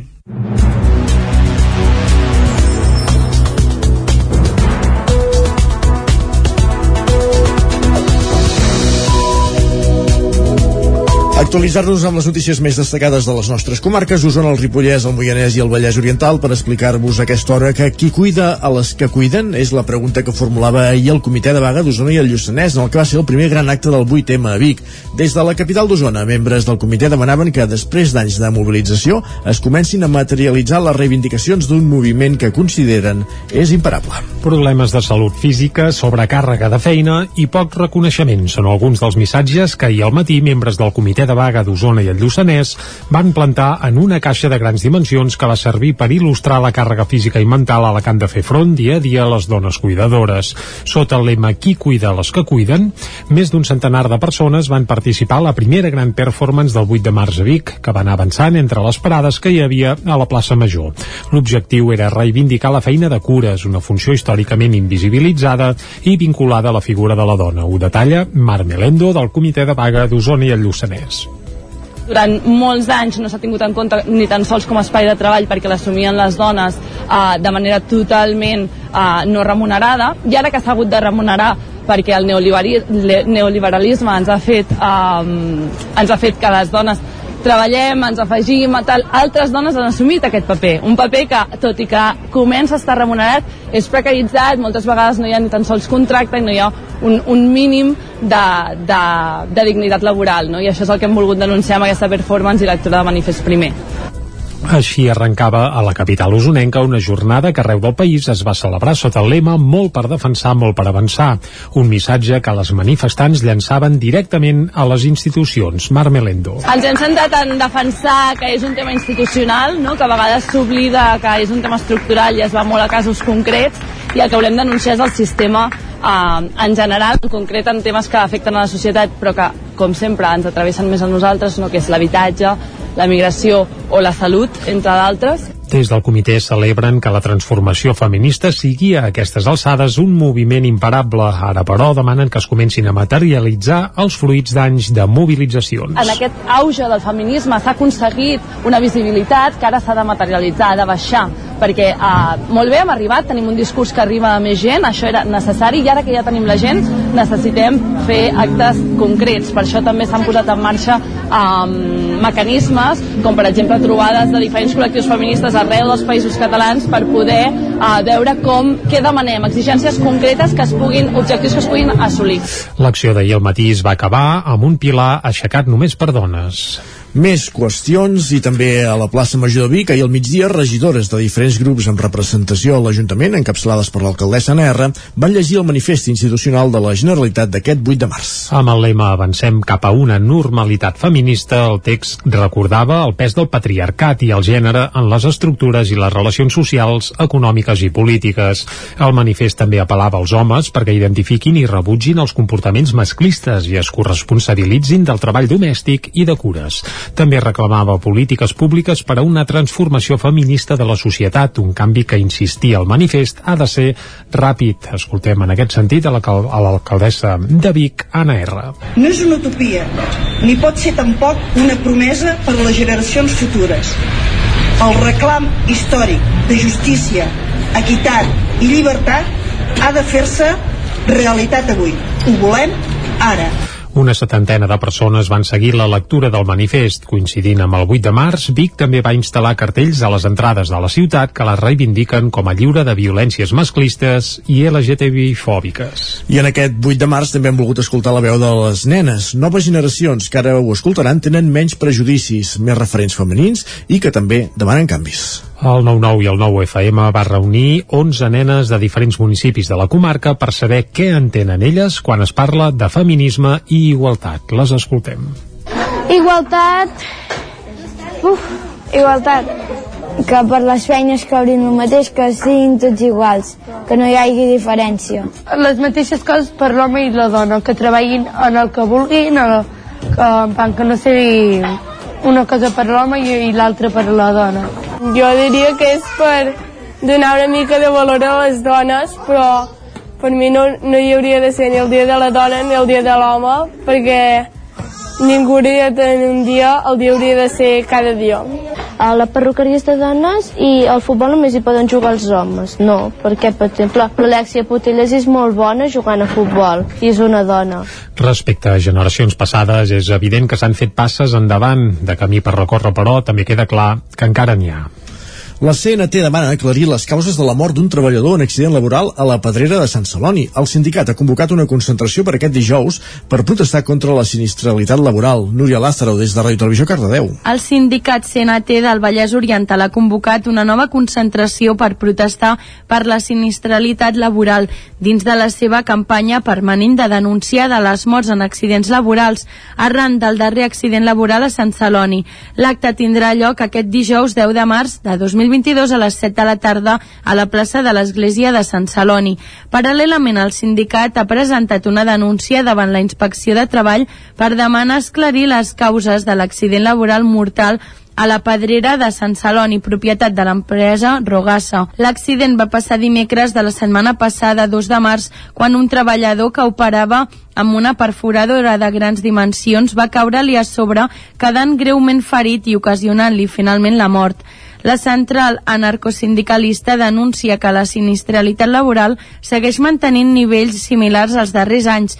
El motiu és la precarietat laboral que es deriva amb les reformes del 2010 del PSOE i del 2012 del PP, que no han estat derogades per l'actual govern espanyol i la complicitat de comissions obreres i l'UGT. Segons les dades publicades oficialment per l'Observatori del Treball i el Model Productiu, al mes de gener hi ha hagut un total de 5 víctimes mortals en accidents laborals a Catalunya, que suposa un increment del 25% respecte al mateix període de l'any 2021. El Parc de Bombers de Caldes de Montbui, el més antic del Vallès Oriental pel que fa a parcs de voluntaris, compleix 40 anys. Caral Campàs, des d'Ona Codinenca. Els bombers voluntaris de Caldes van celebrar aquest cap de setmana el 40è aniversari de la seva fundació. El del municipi és el parc de voluntaris més antics de la zona, creat abans que els bombers passessin a pertànyer a la Generalitat. Anteriorment depenien de la Diputació i els voluntaris dels ajuntaments. L'acte de celebració va tenir lloc al mateix parc i es va aprofitar per retre homenatge als bombers que han mort en els darrers anys i molt especialment a la figura de Carles Campistron, cofundador dels bombers calderins i cap del parc durant 17 anys. L'actual cap del parc, Jordi Soler, explicava el secret perquè un parc de bombers voluntaris s'hagi mantingut durant 40 anys. Eh, en gran part doncs, perquè bueno, per aquesta vocació solidària de, de certes persones i, i també doncs, perquè molts dels, bueno, molts, quatre dels membres fundadors eh, a dia d'avui encara estan vinculats al parc de bombers i ens doncs, han fet que això, doncs, aquesta flama doncs, doncs, continuï any rere any tot i que hi hagi doncs, doncs, més o menys implicació però que malgrat doncs, hagin hagut èpoques més bones o menys bones eh, s'hagi mantingut. D'altra banda, i pel que fa a les necessitats del Parc de Bombers Calderí per afrontar el present i futur, la principal mancança és d'efectius. Sentim Jordi Soler. Ara mateix el, el principal problema que tenim és d'efectius, de, de bombers, perquè bueno, eh, nosaltres depenem orgànicament de la Generalitat de Catalunya i, i han fet un sistema per ingressar en el cos de bombers voluntaris mitjançant oposició. És un sistema que segurament és molt just, perquè entra el millor, però nosaltres ens està escanyant, ens està ofegant doncs, perquè eh, la gent que entra no ens dura gaire, perquè són gent doncs, que amb tot el dret del món doncs tenen altres aspiracions i al poc temps d'haver entrat de bombers voluntaris superen l'oposició de bombers funcionaris, amb la qual se'n van a treballar de bomber. Llavors, eh, aquí ens duren poc. Ens alegrem molt, eh, per ells, personalment, però, però clar, a nosaltres ens està marmant molt. Soler il·lustrava la seva argumentació amb una dada. Els 22 bombers que hi havia el 2010 s'han reduït a 16 actuals. Per això el voluntariat està treballant perquè s'implanti un sistema de selecció més dinàmic que permeti que la gent que entra al parc s'hi quedi més temps. Soler també apuntava que amb una plantilla de 25 bombers seria més fàcil donar resposta a totes les emergències. Gràcies, Caral. Més qüestions. Anem al Ripollès perquè l'Associació de Veïns i Amics d'Ugassa concorrerà a les properes eleccions municipals a través d'una plataforma d'independents amb el seu president Carles Mercader com a cap de llista. Isaac Muntades, des de la veu de Sant Joan. En la segona assemblea des de la seva creació, l'Associació de Persones Veïnes i Amigues d'Ugassa va decidir impulsar una plataforma d'independents per presentar-se a les pròximes eleccions municipals que s'han de celebrar al maig del 2023. El cap de llista d'aquesta nova formació serà l'actual president de l'associació, Carles Mercader, tot i que en cas de sortir elegit com a regidor deixarà la presidència per no incórrer en una duplicitat de càrrecs i per fomentar la pluralitat, com també ho faran la resta de membres de la Junta Directiva que surtin escollits. Aquesta llista vol aglutinar diferents sensibilitats perquè gent de tots els colors polítics s'hi senti còmode. Pel que fa a l'associació, seguirà existint perquè és bo pel poble. Amb aquest pas endavant, el consistori ha de ser el braç executor d'allò que demani l'associació i que ajudi a millorar el municipi. L'entitat ja compta amb 90 associats, un 37,5% dels 240 habitants del municipi. En presentar-se com a independents necessitaran la signatura d'un 2% dels veïns. A l'assemblea també es va parlar de dos projectes importants pel poble, com la instal·lació d'una casa de colònies al centre de la vila i de la construcció d'un rocòdrom valorat en 170.000 euros. Mercader explicava que no n'estaven massa informats i que l'Ajuntament havia estat poc transparent. Tenim el problema a Ugassa de que els plens segueixen sent a porta tancada. Llavors aquests són temes que deuen parlar els regidors, l'Ajuntament, però que no es parlen amb el poble. El tema del rocòdrom, jo vaig demanar personalment amb l'alcalde si podíem participar en el projecte, si el veure, si podíem saber com era, eh, va dir que ho consultaria i no tinc resposta. I en el cas de la Casa de Colònies, doncs és una informació que ha vingut més aviat pels promotors, és un tema que es veu que portaven dos anys treballant i que ningú del poble, excepte regidors o familiars aquests, doncs en sabien res, no? Llavors vam parlar amb el promotor, ell es va interessar per parlar amb nosaltres i eh, l'únic que vam dir és que un projecte d'aquesta magnitud hauria de fer-se públic, hauria de treballar-se amb la gent i hauria de veure quins avantatges pot aportar això al municipi. Mercader va apuntar que la llicència d'activitat per a aquest projecte s'allargaria entre 25 i 30 anys i hipotecaria els pròxims 5 o 6 mandats. A l'assemblea va assistir l'alcalde de Planoles, David Verge, i alguna regidora d'aquest poble, però ningú de l'equip de govern d'Ugassa, tot i que hi estaven convidats. L'anunci del tancament del Col·legi El Roser de Sant Julià de Vilatorta a final de curs continua portant cua. Ahir es va anunciar la convocatòria d'una reunió amb tots els agents implicats per aquest proper divendres. Així ho van confirmar fons de l'Associació de Familiars d'Alumnes del Centre, l'AFA. Després de la trobada d'aquest dilluns entre el conseller d'Educació, Josep González Cambrai, i altres membres del departament i l'alcalde de Sant Julià, divendres. Divendres que ve s'hauria de produir una nova reunió per, per tractar la qüestió. Hi participaria l'AFA, el mateix alcalde de Sant Julià, la directora, la directora territorial d'Educació a la Catalunya Central, també el director general de centres concertats, la directora pedagògica del Roser i la propietat de la Fundació Puig i Cunyer, que és la responsable de la gestió del centre educatiu. Els pares i mares dels alumnes, però, així com el professorat del Roser, no les tenen totes i ja estan treballant per portar la qüestió per via judicial, ja que hi ha alguns temes vinculats amb la Fundació que no veuen del tot clars. Ho explica Montse Sans, que és vicepresidenta de l'AFA del Col·legi El Roser. La Fundació ha d'explicar també els motius pels que tanca i també els ha de poder demostrar. Suposo que els pares i el professorat necessita una explicació perquè si no jo també puc dir, mira, tanco i no, això no va així. O sigui, ha d'haver-hi un auditor, suposo, no? hi ha d'haver alguna auditoria externa. Algunes lleis aquí hi han que s'han d'aplicar que potser no s'han aplicat. Si més no, nosaltres no ens han arribat. Llavors, com que no ens han arribat nosaltres també ens posarem en mans d'abogats professors i els de l'AFA per buscar per buscar la llei, perquè la llei aquí de moment no ens ve, i com que no ens ve l'hem d'anar a buscar. I, de, i ja tenim hora per parlar amb advocats que a més a més ja han tractat temes de fundacions o sigui que són persones que ja saben de què parlen L'anunci de la reunió de divendres de moment ha servit per aturar la convocatòria de cassolades promoguda des de l'AFA en contra del tancament de l'escola. Ara bé, si no hi ha resultats en la trobada de divendres, no descarten tirar endavant de nou noves accions. Gràcies, Jordi, que aquí aquest repàs informatiu que començàvem al punt de les 11 en companyia de Jordi Sunyer, que era el Campàs, Isaac Muntades i Núria Lázaro. Acabem aquest repàs informatiu del Territori 17, però continua el Territori 17 i ara endinsant-nos al territori sostenible, com cada setmana, de la mà d'en Jordi Givert des d'Ona Codinenca. I avui, com dèiem, parlant de l'explotació La Soleia, una explotació, una productora de vedella ecològica. Som-hi.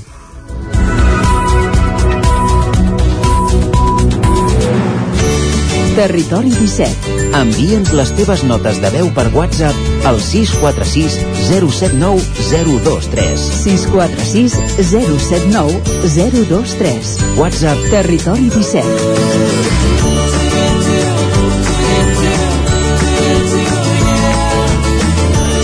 Territori 17. Som a Facebook, Twitter i Instagram amb l'usuari Territori 17.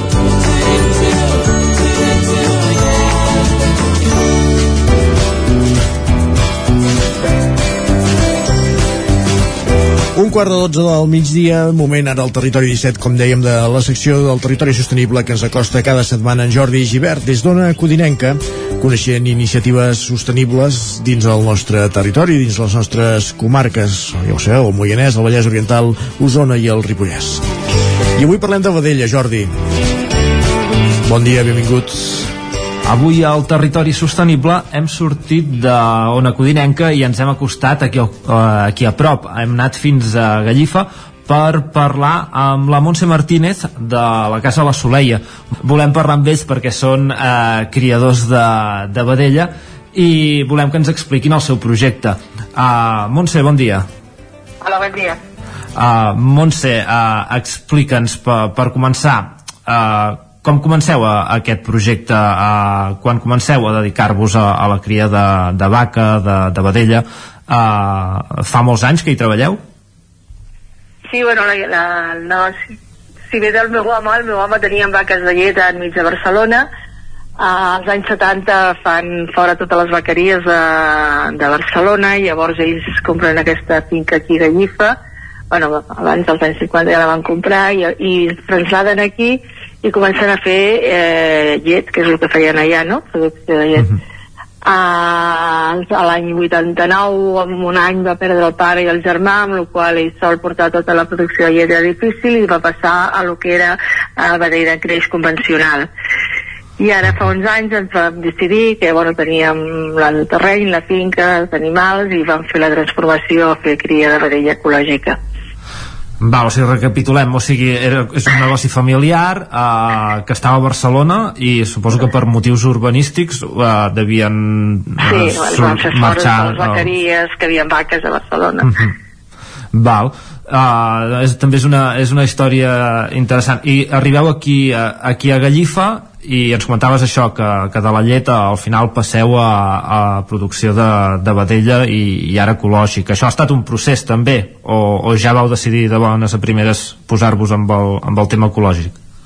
No, no, bueno, van, van per amb motius familiars de que s'havia quedat sol i tot, doncs mm. van començar amb el que era la, la cria de vedella de carn convencional, mm -hmm. que no és tan esclau com la llet, que has de munyir dos cops al dia, bueno, porta molta més feina i, i, i és molt més esclau. I llavors, uh, fa uns anys veiem que no anava bé, no? que bueno, pujava el pinso, pujava tot i la vedella al revés, més aviat baixava el preu, i va ser quan el Josep, sobretot, va tindre la iniciativa de dir, escolta'm, tenim la finca, tenim terra, tenim vaques, podíem passar. Van buidar tot el que era la granja, van tindre que fer un buit sanitari que es diu que és que durant un any fas la transformació de convencional a ecològic i llavors eh, vam començar a poc a poc pues, amb les vaques que ja teníem, els vedells que anaven criant a casa a, a fer-ho així i uh -huh. bueno, poquet a poquet vam anar vam anar funcionant i bé, al cap de dos o tres anys vam decidir fer un petit obrador aquí a casa perquè ho donàvem a treballar fora fins a aconseguir fer tot el cercle tancat, no? Ens produïm l'alimentació perquè també tenim terres de cultiu, tota l'herba de les vaques, les pastures, i la nostra finca, clar, que era petita, vam anar creixent eh, quan moltes finques arrendades uh -huh. i que les vaques pues, ara ja van, no sé, des de Sant Feliu fins a Sant Llorenç, quasi, quasi, eh, amb diferents tancats. de, de, déu nhi ens n'alegrem que, que, que l'aposta per, per la producció ecològica ha, hagi donat els seus fruits i, i hagueu pogut créixer, que a més a més és una conversió que no deu ser pas fàcil. No, però bueno, és, és, és, va ser difícil al principi, però bueno, al final és, és com més gratificant, no? És una venda molt més directa al teu client, abans venia aquí un camió, carregava uns vedells i adeu, ja no sabies més d'ells, no? Ara ets tu qui, qui et busques els clients, qui li fas la venda directa amb ell, qui parles amb ell, i ja no tens cap tipus d'intermediari i, i també és molt més gratificant i, uh -huh. bonic, no sé, molt, Clar, ens parlaves de, dels clients eh, on, o, quins són, quin tipus de client teniu? És eh, client de, de proximitat? Eren restaurants abans suposo de, de la pandèmia, ara és més complicat Qui, quin perfil de clients teniu?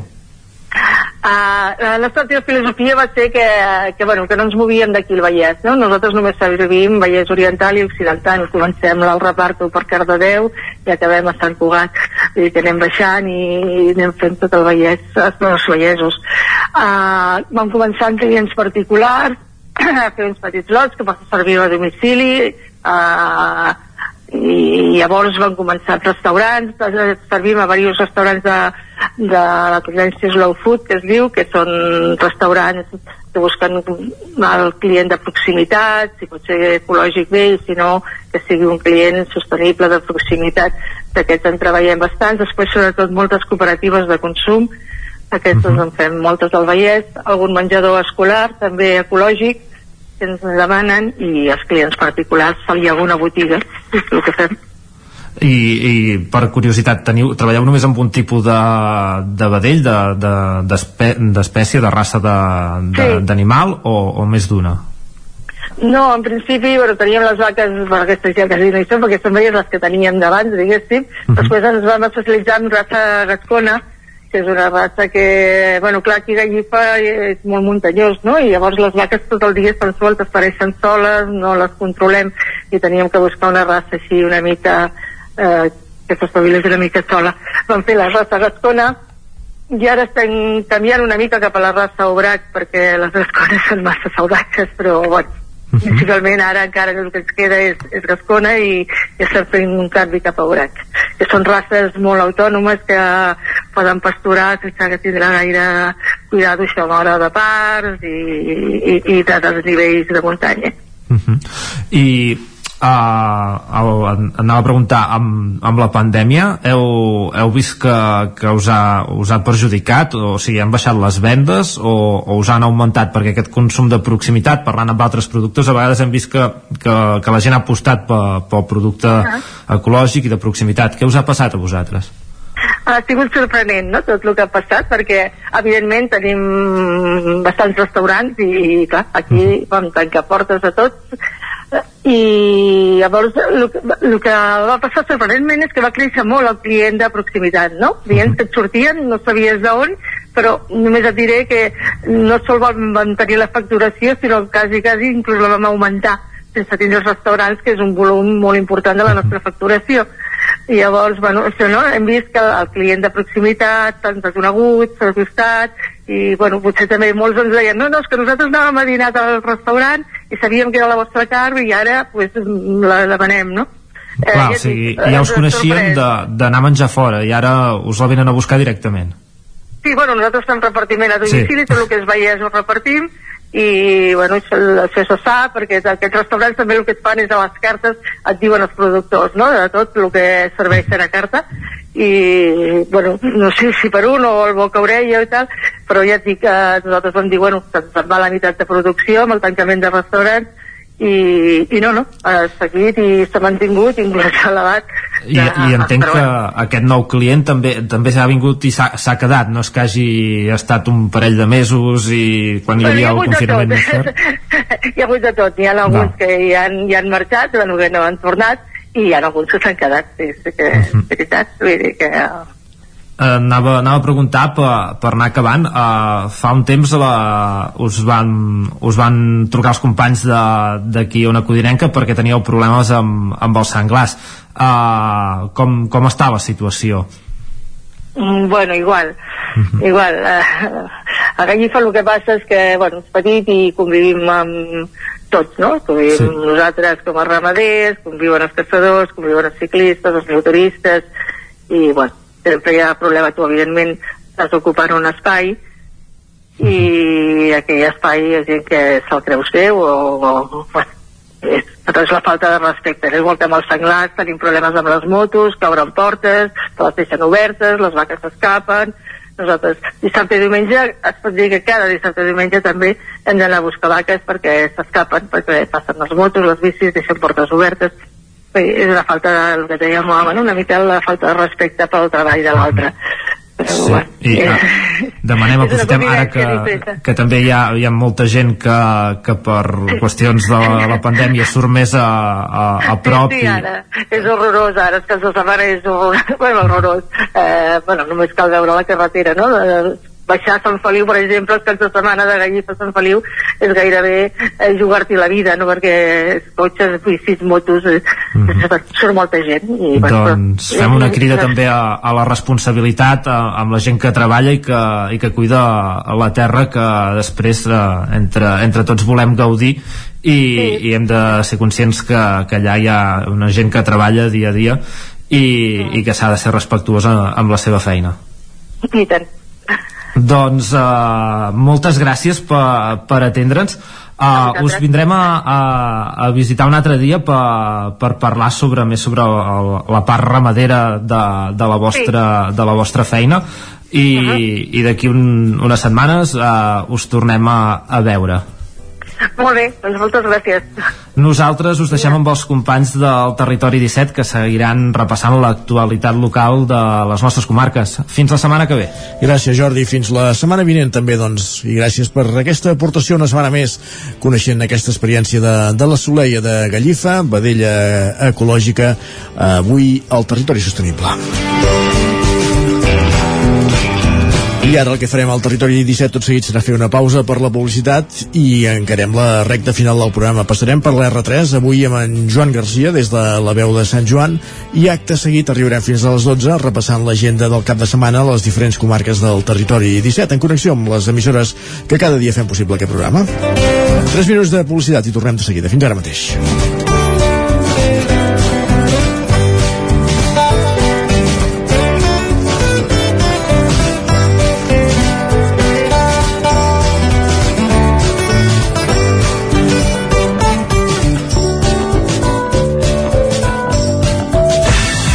9 FM, la ràdio de casa, al 92.8. Vols aprendre anglès i viure una experiència inoblidable?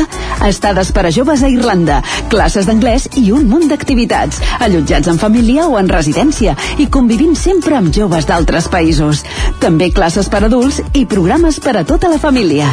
Tures Language and Travel, especialistes en Irlanda des de 1994. Més informació a tures.cat. La Clínica Dental Sant Fortià hi trobareu un equip professional que treballa de manera coordinada per oferir un tracte sensible i humà. Estem preparats per qualsevol urgència dental i oferim accions preventives per la tercera edat i els infants. I aquest carnaval, vine disfressat i emporta't un regal. Clínica Dental Sant Fortià. Ens trobareu a la plaça Sant Fortià número 9 de Torelló al 93 859 6408 i al 690 92 51 99. El racó de León ja és primavera.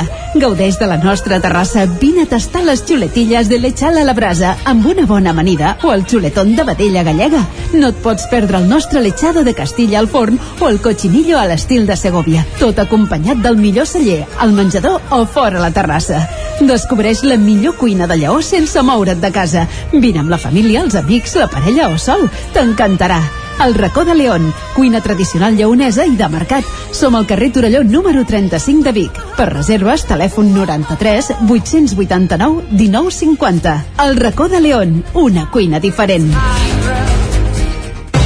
Al restaurant Xavito Gastro de Vic hi trobaràs una cuina mediterrània i de mercat amb gran varietat de plats, amb arrossos, carn o peix fresc de la llotja cada dia. Vine a dinar de dimarts a divendres i prova el nostre menú diari per només 15 euros o a les nits de dijous a diumenge tastar el nostre menú degustació amb arrossos i tapes per 25 euros. Restaurant Xamito Gastro. Ens trobaràs al carrer Callnou número 9 de Vic i al telèfon 93 094 1172 o al 747 42 92 58. Arriba la primavera i tornen les samarretes. A Gràfic Cert tenim una extensa varietat de samarretes per vestir el teu personal, promocionar la teva empresa, club esportiu, associació... Si estàs organitzant un esdeveniment esportiu o una festa cultural, una samarreta és una bona opció per lluir la teva marca. Ja ho saps, si el que necessites per la teva promoció és una samarreta, Gràfic Cert és el teu proveïdor. I ara també tenim a la teva disposició samarretes 100% reciclades tant de cotó com de polièster. No esperis més i truca'ns al 93 886 12 15 o visita'ns a graficcert.com. El nou FM, el nou FM, el nou FM, el nou FM, el nou FM. Territori 17. A Tren d'Alba. Cada dia els usuaris de la línia R3 de Rodalies que veuen sortir el sol des d'un vagó ens expliquen les gràcies i les penes del primer comboi que uneix Ripoll i Barcelona. Benvinguts a Tren d'Alba.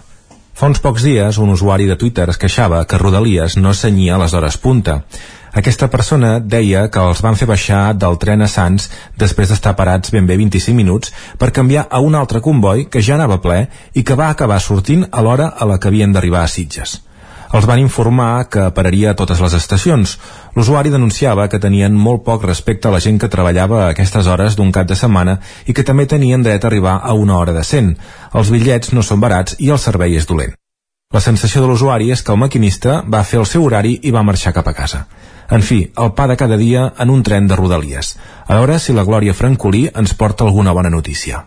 Hola, molt bon dia. Aquí la Glòria des de l'oficina. Avui el primer bus, el de dos quarts de sis, ha arribat una mica tard i la veritat és que he patit durant el trajecte perquè a no ser que arribi superpuntual el bus de les 6 que surt de Vic no t'espera. Però bé, avui hem estat de sort i el senyor ens ha esperat. Uh, hem pujat a l'autobús i ens ha dit va vinga, va vinga que marxo. I, i m'ha fet una mica de riure però, però bé, ha anat així hem arribat a les 6 i un minut més o menys, o sigui que suposo que té encara aquesta mica de marge. I la veritat és que la C-17 se'l deveu haver trobat molt bé. Jo com ja sabeu estava dormint. Perquè hem arribat una mica abans de a les 6 i 49 deurien ser. Total que ha passat allò que ens passa a vegades que quan arribes a l'estació arriba el, el metro i quan arribes a l'altra estació també quan arribes al bus també i, i avui inesperadament en, són, encara no són tres quarts de vuit i, i ha engegat l'ordinador. O sigui que molt bé, el viatge d'avui genial, la tornada amb tren ja us l'explicaré, que ja, això ja sabem que a vegades es complica una mica més tot i que s'ha de dir que quan el tren va bé va superbé. I no res, sí, una cosa divertida del viatge és que jo encara vaig molt abrigada, porto botes, una jaqueta gruixuda, bufanda i gorro i m'he trobat al metro amb una noia que devia tenir molta calor, pobra i s'aixecava, no se l'ha tret el jersei, però se l'aixecava i es baixava la, la, la mascareta com a senyal de que no podia de tanta calor que tenia. I jo anava super abrigada al seu costat estàvem al mateix vagó de metro. I he pensat que realment les temperatures corporals de, de les persones segons el moment del dia poden ser realment molt diferents. I m'ha cridat l'atenció i l'he estat observant durant el viatge pensant que devia tenir moltíssima calor jo que no en tenia gota ben abrigada amb el gorro posat el gorro i la caputxa de la jaqueta posats imagineu com vaig. En fi, que ja sóc a l'oficina i avui que he arribat tant d'hora aprofitaré per començar abans. Que us vagi bé el dia, adeu com a mínim, el bus sol recuperar el temps perdut, cosa que el tren no sol fer-ho. Sorprèn que hi hagi gent que tingui calor aquests dies que els termòmetres han caigut en picat, però és clar, a Barcelona i al metro segur que la temperatura és molt més bona que un matí gèlid a Sant Joan de les Abadeses. Va, ens retrobem demà amb més històries del tren i de l'R3. Territori, Territori 17. 17. Territori 17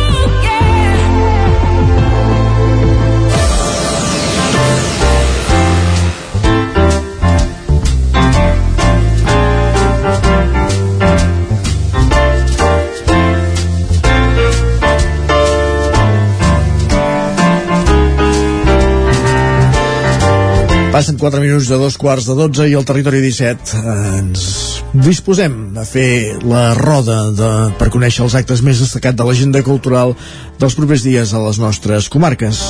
Un recorregut que fem per les diferents emissores del territori 17 i que avui, com a bon dimecres, comencem els estudis de Ràdio i Televisió Cardedeu amb companyia de l'Òscar Muñoz. Bon dia, Òscar. Bon dia. Com tenim l'agenda? Doncs una agenda ben atapeïda d'actes culturals doncs va, això és que bo. això ja no para. Exacte. Comencem aquí a Cardedeu. Dissabte tenim, arriba l'espectacle de circ i acrobàcies Toc a Toc. És una història que explica amb amor i tendresa què succeeix quan dues persones es troben.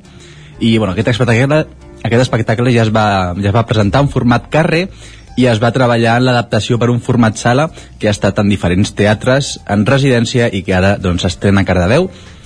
Dissabte amb un preu de 10 euros al Teatre Auditori de Cardedeu. Molt bé.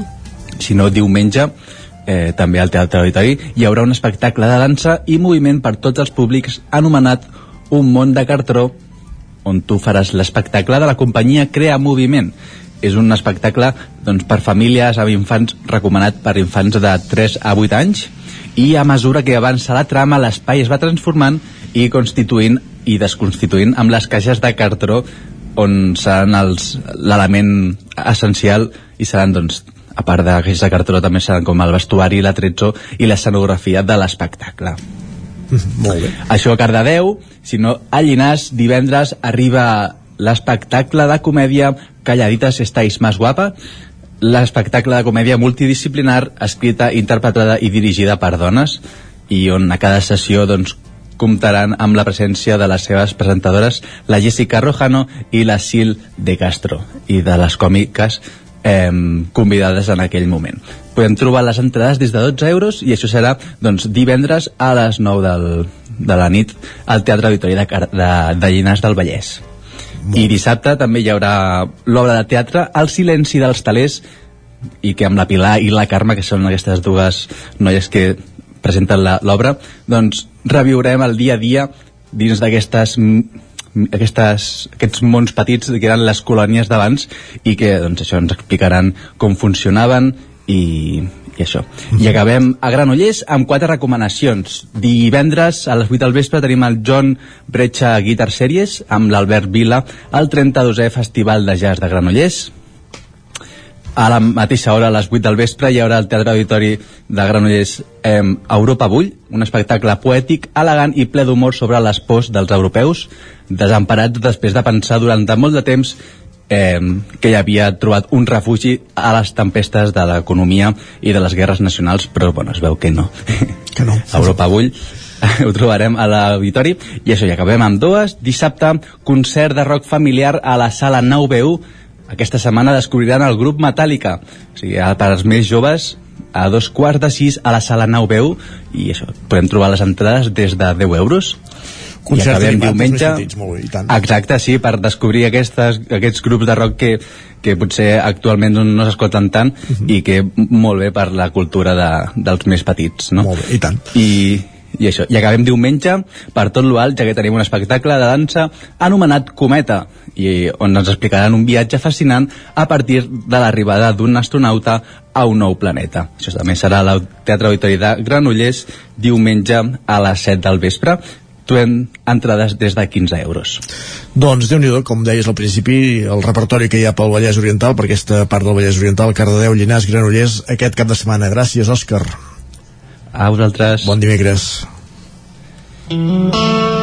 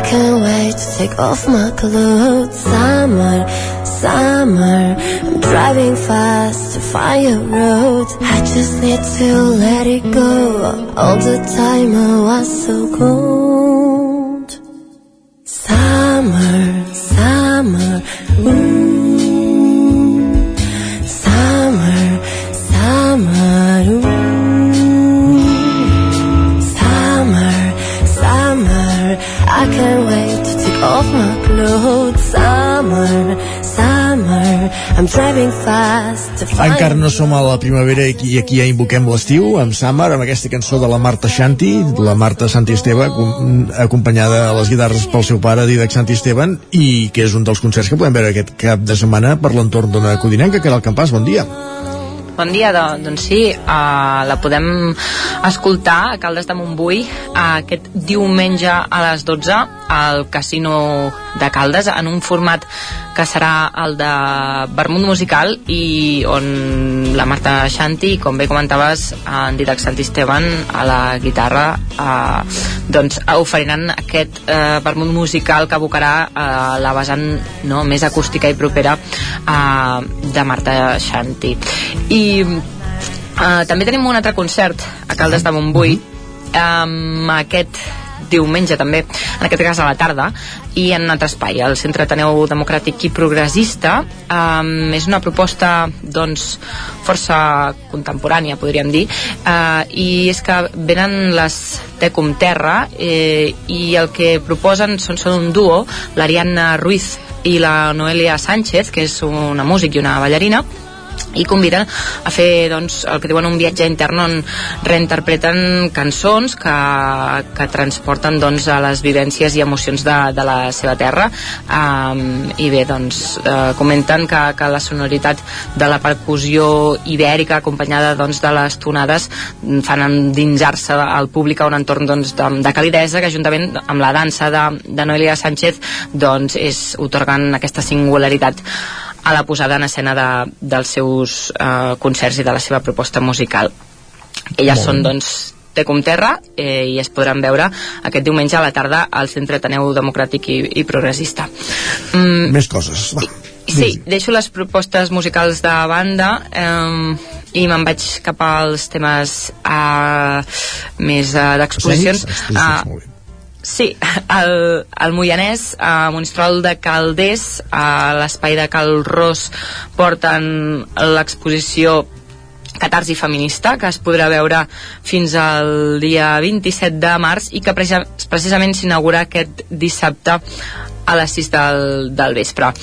Um, una altra exposició que està en dansa fa dies i que es pot veure fins al 27 uh, de març també, precisament, és a Caldes de Montbui, me'n torno a Caldes, amb aquesta exposició Estiuets de proximitat 1850-1950, que ja n'havíem parlat, i us, en, us la destaco perquè aquest dissabte, a les 5 de la tarda, al Museu Termàlia, que és on hi ha l'exposició, um, proposen un taller familiar uh, a càrrec de Pol Aumedes, um, que expliquen que primer doncs, es visitarà l'exposició, aquesta exposició d'estiuatge de proximitat i després uh, les famílies posaran en comú tots els sons que han escoltat i amb els instruments que, que els hi donaran doncs, aprendran a, a imitar-los. Diuen que després faran una gravació entre tots, creant una, una composició i uh, doncs, al final uh, es comenten que, que per acabar amb materials reciclats cadascú doncs, podrà fer um, també un, un instrument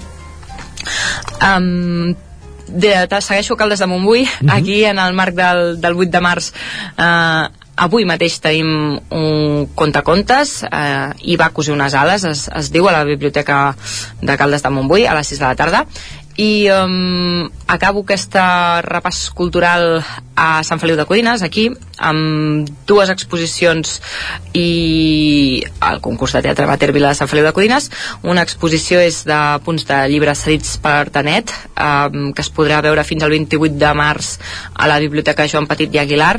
L'altra és en el marc del 8 de març, del Dia de la Dona, que es va inaugurar ahir, l'historiador Maria Hispanola va inaugurar ahir amb una conferència inaugural, Dones, Femení Plural, Sant Feliu de Codines 1900, 1955, i és una exposició que es, que es podrà veure fins al 20 de març.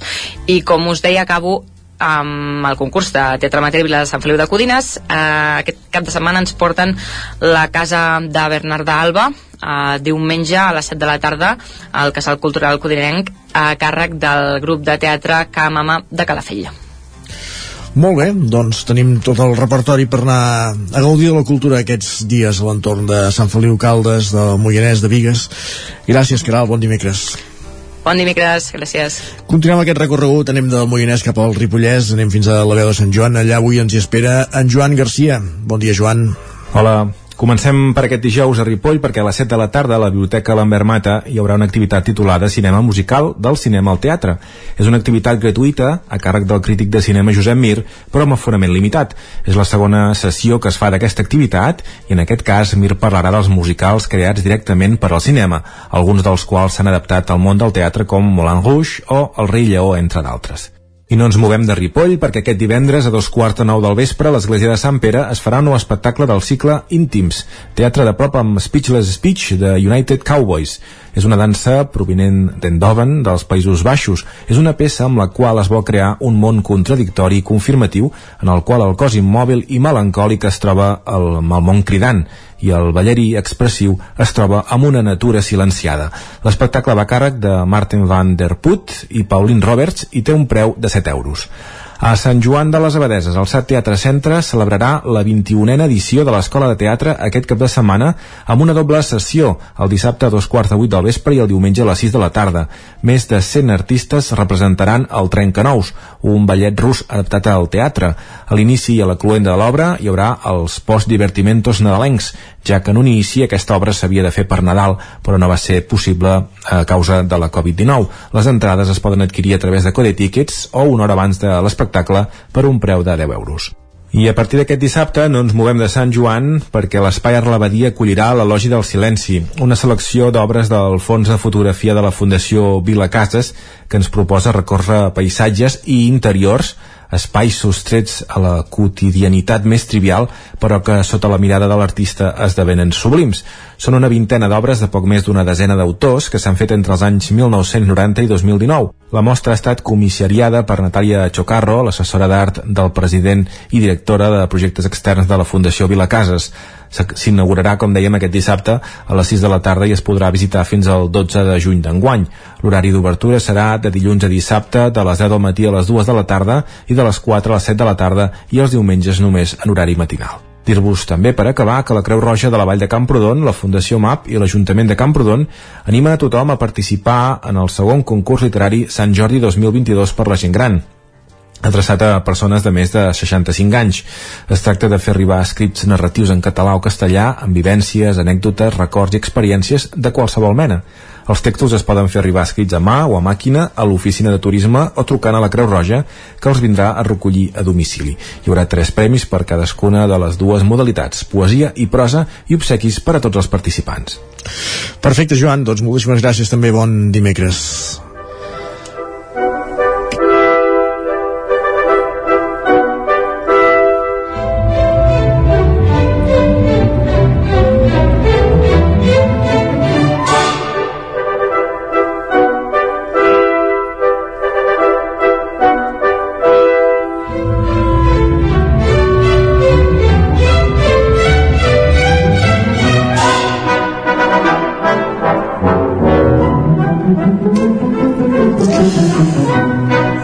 Acomiadar en Joan Garcia amb aquestes notes del Trencanous, un dels concerts que es podrà veure, com ell mateix ens comentava dissabte, a Sant Joan de, de les Abadesses. I fem el salt definitiu, l'últim, del Ripollès, baixem a Osona, els estudis del 9FM ens hi espera una setmana més en Jordi Vilarrodà per conèixer l'agenda d'actes d'aquest cap de setmana a la comarca d'Osona. Bon dia, Jordi. Hola, molt bon dia. Doncs Anem tenim... carregats també de sí, propostes? Déu-n'hi-do, déu nhi tenim, tenim coses, tenim coses aquesta setmana. Farem, en lloc de fer un ordre cronològic, el farem una mica jeràrquic, potser, però, eh, eh, esclar, hi ha un, un, un esdeveniment aquest cap de setmana, sobretot en l'àmbit teatral, que eh, val la pena de destacar, perquè no és habitual la presència del personatge eh, en els nostres escenaris. I parlem de José Sacristán, ah. eh, que serà en el Teatre Sirviano. José oh, sí. Sacristán, José Sacristán, esclar, és un dels grans grans, grans actors del teatre i del cinema espanyol. Eh, aquest any mateix, per exemple, se n'ha parlat força perquè va rebre el Goya d'Honor mm, quan va donar els Premis Goya per tota la seva trajectòria. Però, esclar, és una persona que està eh, plenament activa, que, que, que està fent obres i que li van donar el Goya d'Honor, però ell continua als escenaris i, per exemple, portarà eh, al Teatre Sirvianum dissabte a les 8 de vespre a Senyora de Rojo sobre fondo gris. Senyora de Rojo sobre fondo gris és un text eh, que va escriure Miquel Delibes, un gran escriptor castellà Miguel Delibes eh, que eh, està situat doncs, l'any 1975 de fet l'any de la mort d'en Franco i, eh, però parla de, no de coses polítiques en aquest sentit, sinó de coses íntimes. Eh, el paper que fa el sacristan és el d'un pintor eh, gran que està en una crisi creativa, personal, i que a més a més no ha pogut tornar a pintar des de que es va morir la seva dona. Eh, per això la senyora que fa referència al títol. Eh, i, I al llarg de l'obra mm, va, va fent memòria de l'estiu i de la tardor de l'any 1975. Eh, sí que aquí entra una, una mica la política, recorda doncs, que els hi van empresonar la filla per l'activitat política, eh, en fi, i eh, la, la, en aquell moment és quan a la seva dona doncs, li declaren una malaltia. Ell amb el cap dels anys recorda tot aquesta, aquest moment, no? Un, una història d'amor, eh, tots uns dies d'alegria, de, de, benestar, de preocupació, etc etc. És un exercici doncs, de, de, de retrospecció d'aquest personatge i, i bé, el Sagristan és un actor que aquest text li dona un, importància, de fet ell porta 60 anys a l'escena ja, doncs em sembla que en té 80 ara mateix eh, i, i, eh, i, i diu que per ell pot ser la culminació de tot, no vol dir que, que hagi dit que retirarà, eh, però s'ho pren com a culminació de tota una tota una vida de treball als escenaris o davant de les càmeres en el, en el cinema. En tot cas, és una gran oportunitat per veure un d'aquests actors que, que realment doncs, valen la pena, que, que, que ha fet eh, treballs memorables i que no és freqüent que tinguem en els escenaris catalans, potser Barcelona sí, però fora de Barcelona, els escenaris de Catalunya, o com els de la nostra comarca, no és gaire habitual que, que, que el tinguem un personatge com el José Sagristán. Eh, bé, ara aquí continuarem una mica doncs, amb l'àmbit teatral, perquè aquest és un dissabte molt teatral, o sigui, en el Teatre Centre de Manlleu, a les 9 del vespre, per tant incompatible amb l'anterior, hi ha eh, la representació d'una obra que eh, de fet un grup d'actors usonencs van posar en escena amb la trobada de teatre de Centelles en la darrera edició. Eh, l'obra es diu eh, Contra el progrés i la democràcia. Contra el progrés i la democràcia amb aquest títol així tan original és part d'una trilogia que va fer un autor l'Esteve Soler eh, un autor català que ens en va donar compte que era molt bo quan va començar a triomfar en escenaris de fora, sobretot a Berlín. I, i va fer una trilogia contra el progrés i la democràcia eh, contra l'amor eh, eh, i ara no recordaré quina era l'altra.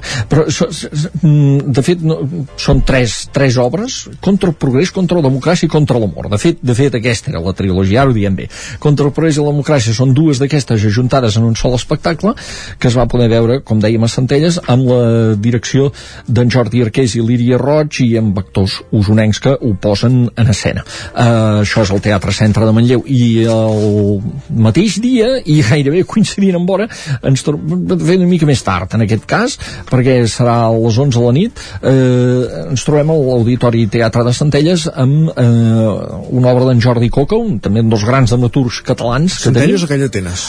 Perdó, Call d'Atenes. He dit Centelles? Sí, sí. Ai, doncs... És que per Teatre Auditori em venia sí, sí, Call d'Atenes, sí. però llavors he pensat, potser és el perdó, perdó, no, no, ni me n'havia donat. Volia dir, volia dir, evidentment, Call d'Atenes, eh?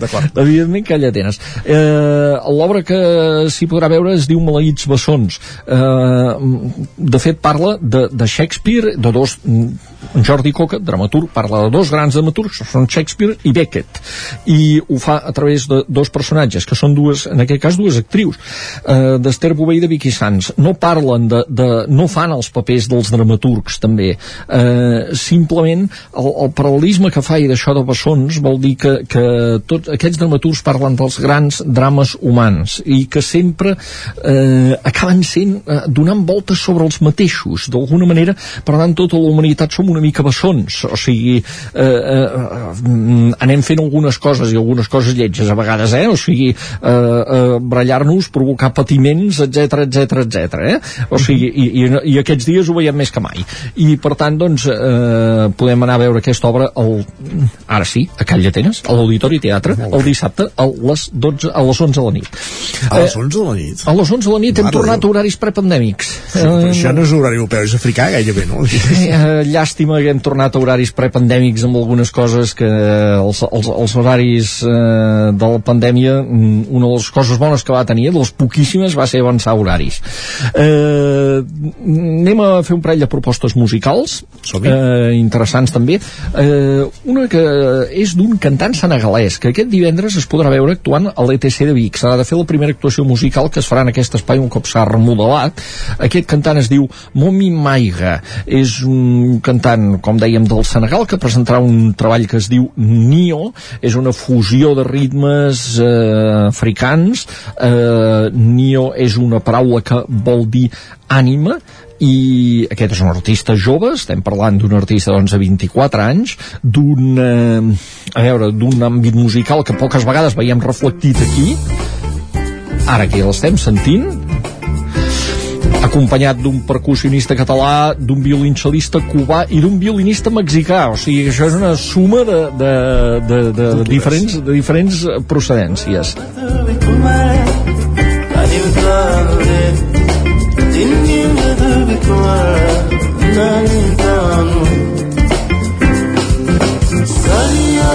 quedat corprès, eh, amb versió discogràfica. He quedat parat perquè aquí hi, ha, aquí hi ha de tot, aquí hi ha de tot. Doncs aquí tenim aquest treball, Nio Ànima, en idioma mandingo, que eh, es podrà veure a l'ETC en aquest concert el divendres a les 8 del vespre. I ara un altre concert, en aquest cas ens n'anem a diumenge. I diumenge hi ha una proposta eh, sempre festiva i optimista i alegre, i és, que és un estil de cant, que és el barbershop. Barbershop, de fet, traduït, és l'anglès, la paraula aquesta vol dir barberia. Mm, I què vol dir una barberia? Un estil de música es diu barberia. Uh, bé, perquè l'origen és aquest, o sigui, els homes que a Cal Barber cantaven. Uh, i estem sentint aquestes harmonies vocals. I llavors, en un funció, en funció de si afinaven o no, els afeitaven més o més. Ah, exacte.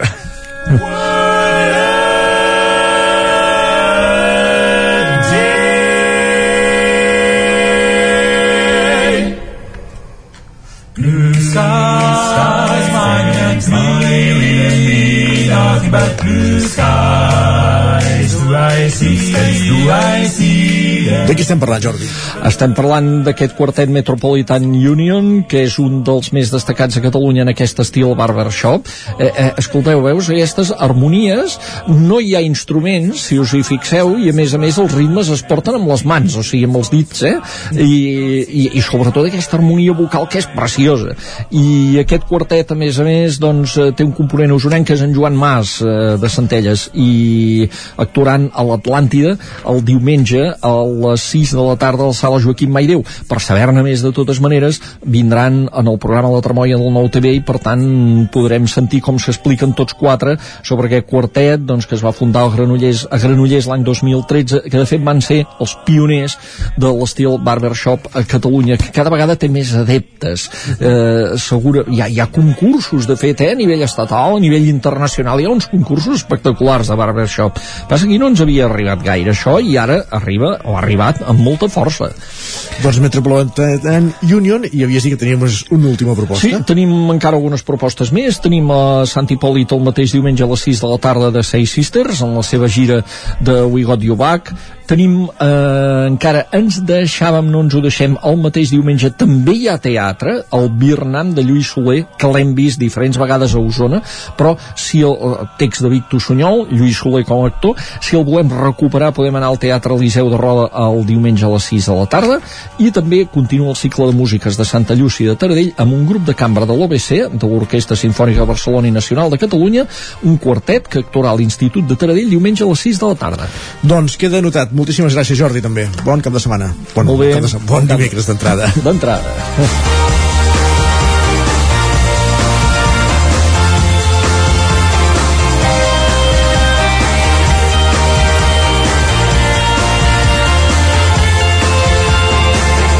I amb tot aquest reguitzell de propostes culturals acabem un dia més al Territori 17, un programa que hem començat a les 9 del matí amb Pep Acosta, Núria Lázaro, Isaac Muntades, Guillem Sánchez, Guillem Freixa, Caral Campàs, Jordi Givert, Joan Garcia, Òscar Muñoz, Jordi Vilarrodà, Jordi Sunyer i Isaac Moreno. I tornem demà a partir de les 9. Que passeu molt bon dimecres. Adéu-siau. Territori 17, un magazín del nou FM. La veu de Sant Joan, Ona Codinenca i Ràdio Cardedeu amb el suport de la xarxa. El nou FM.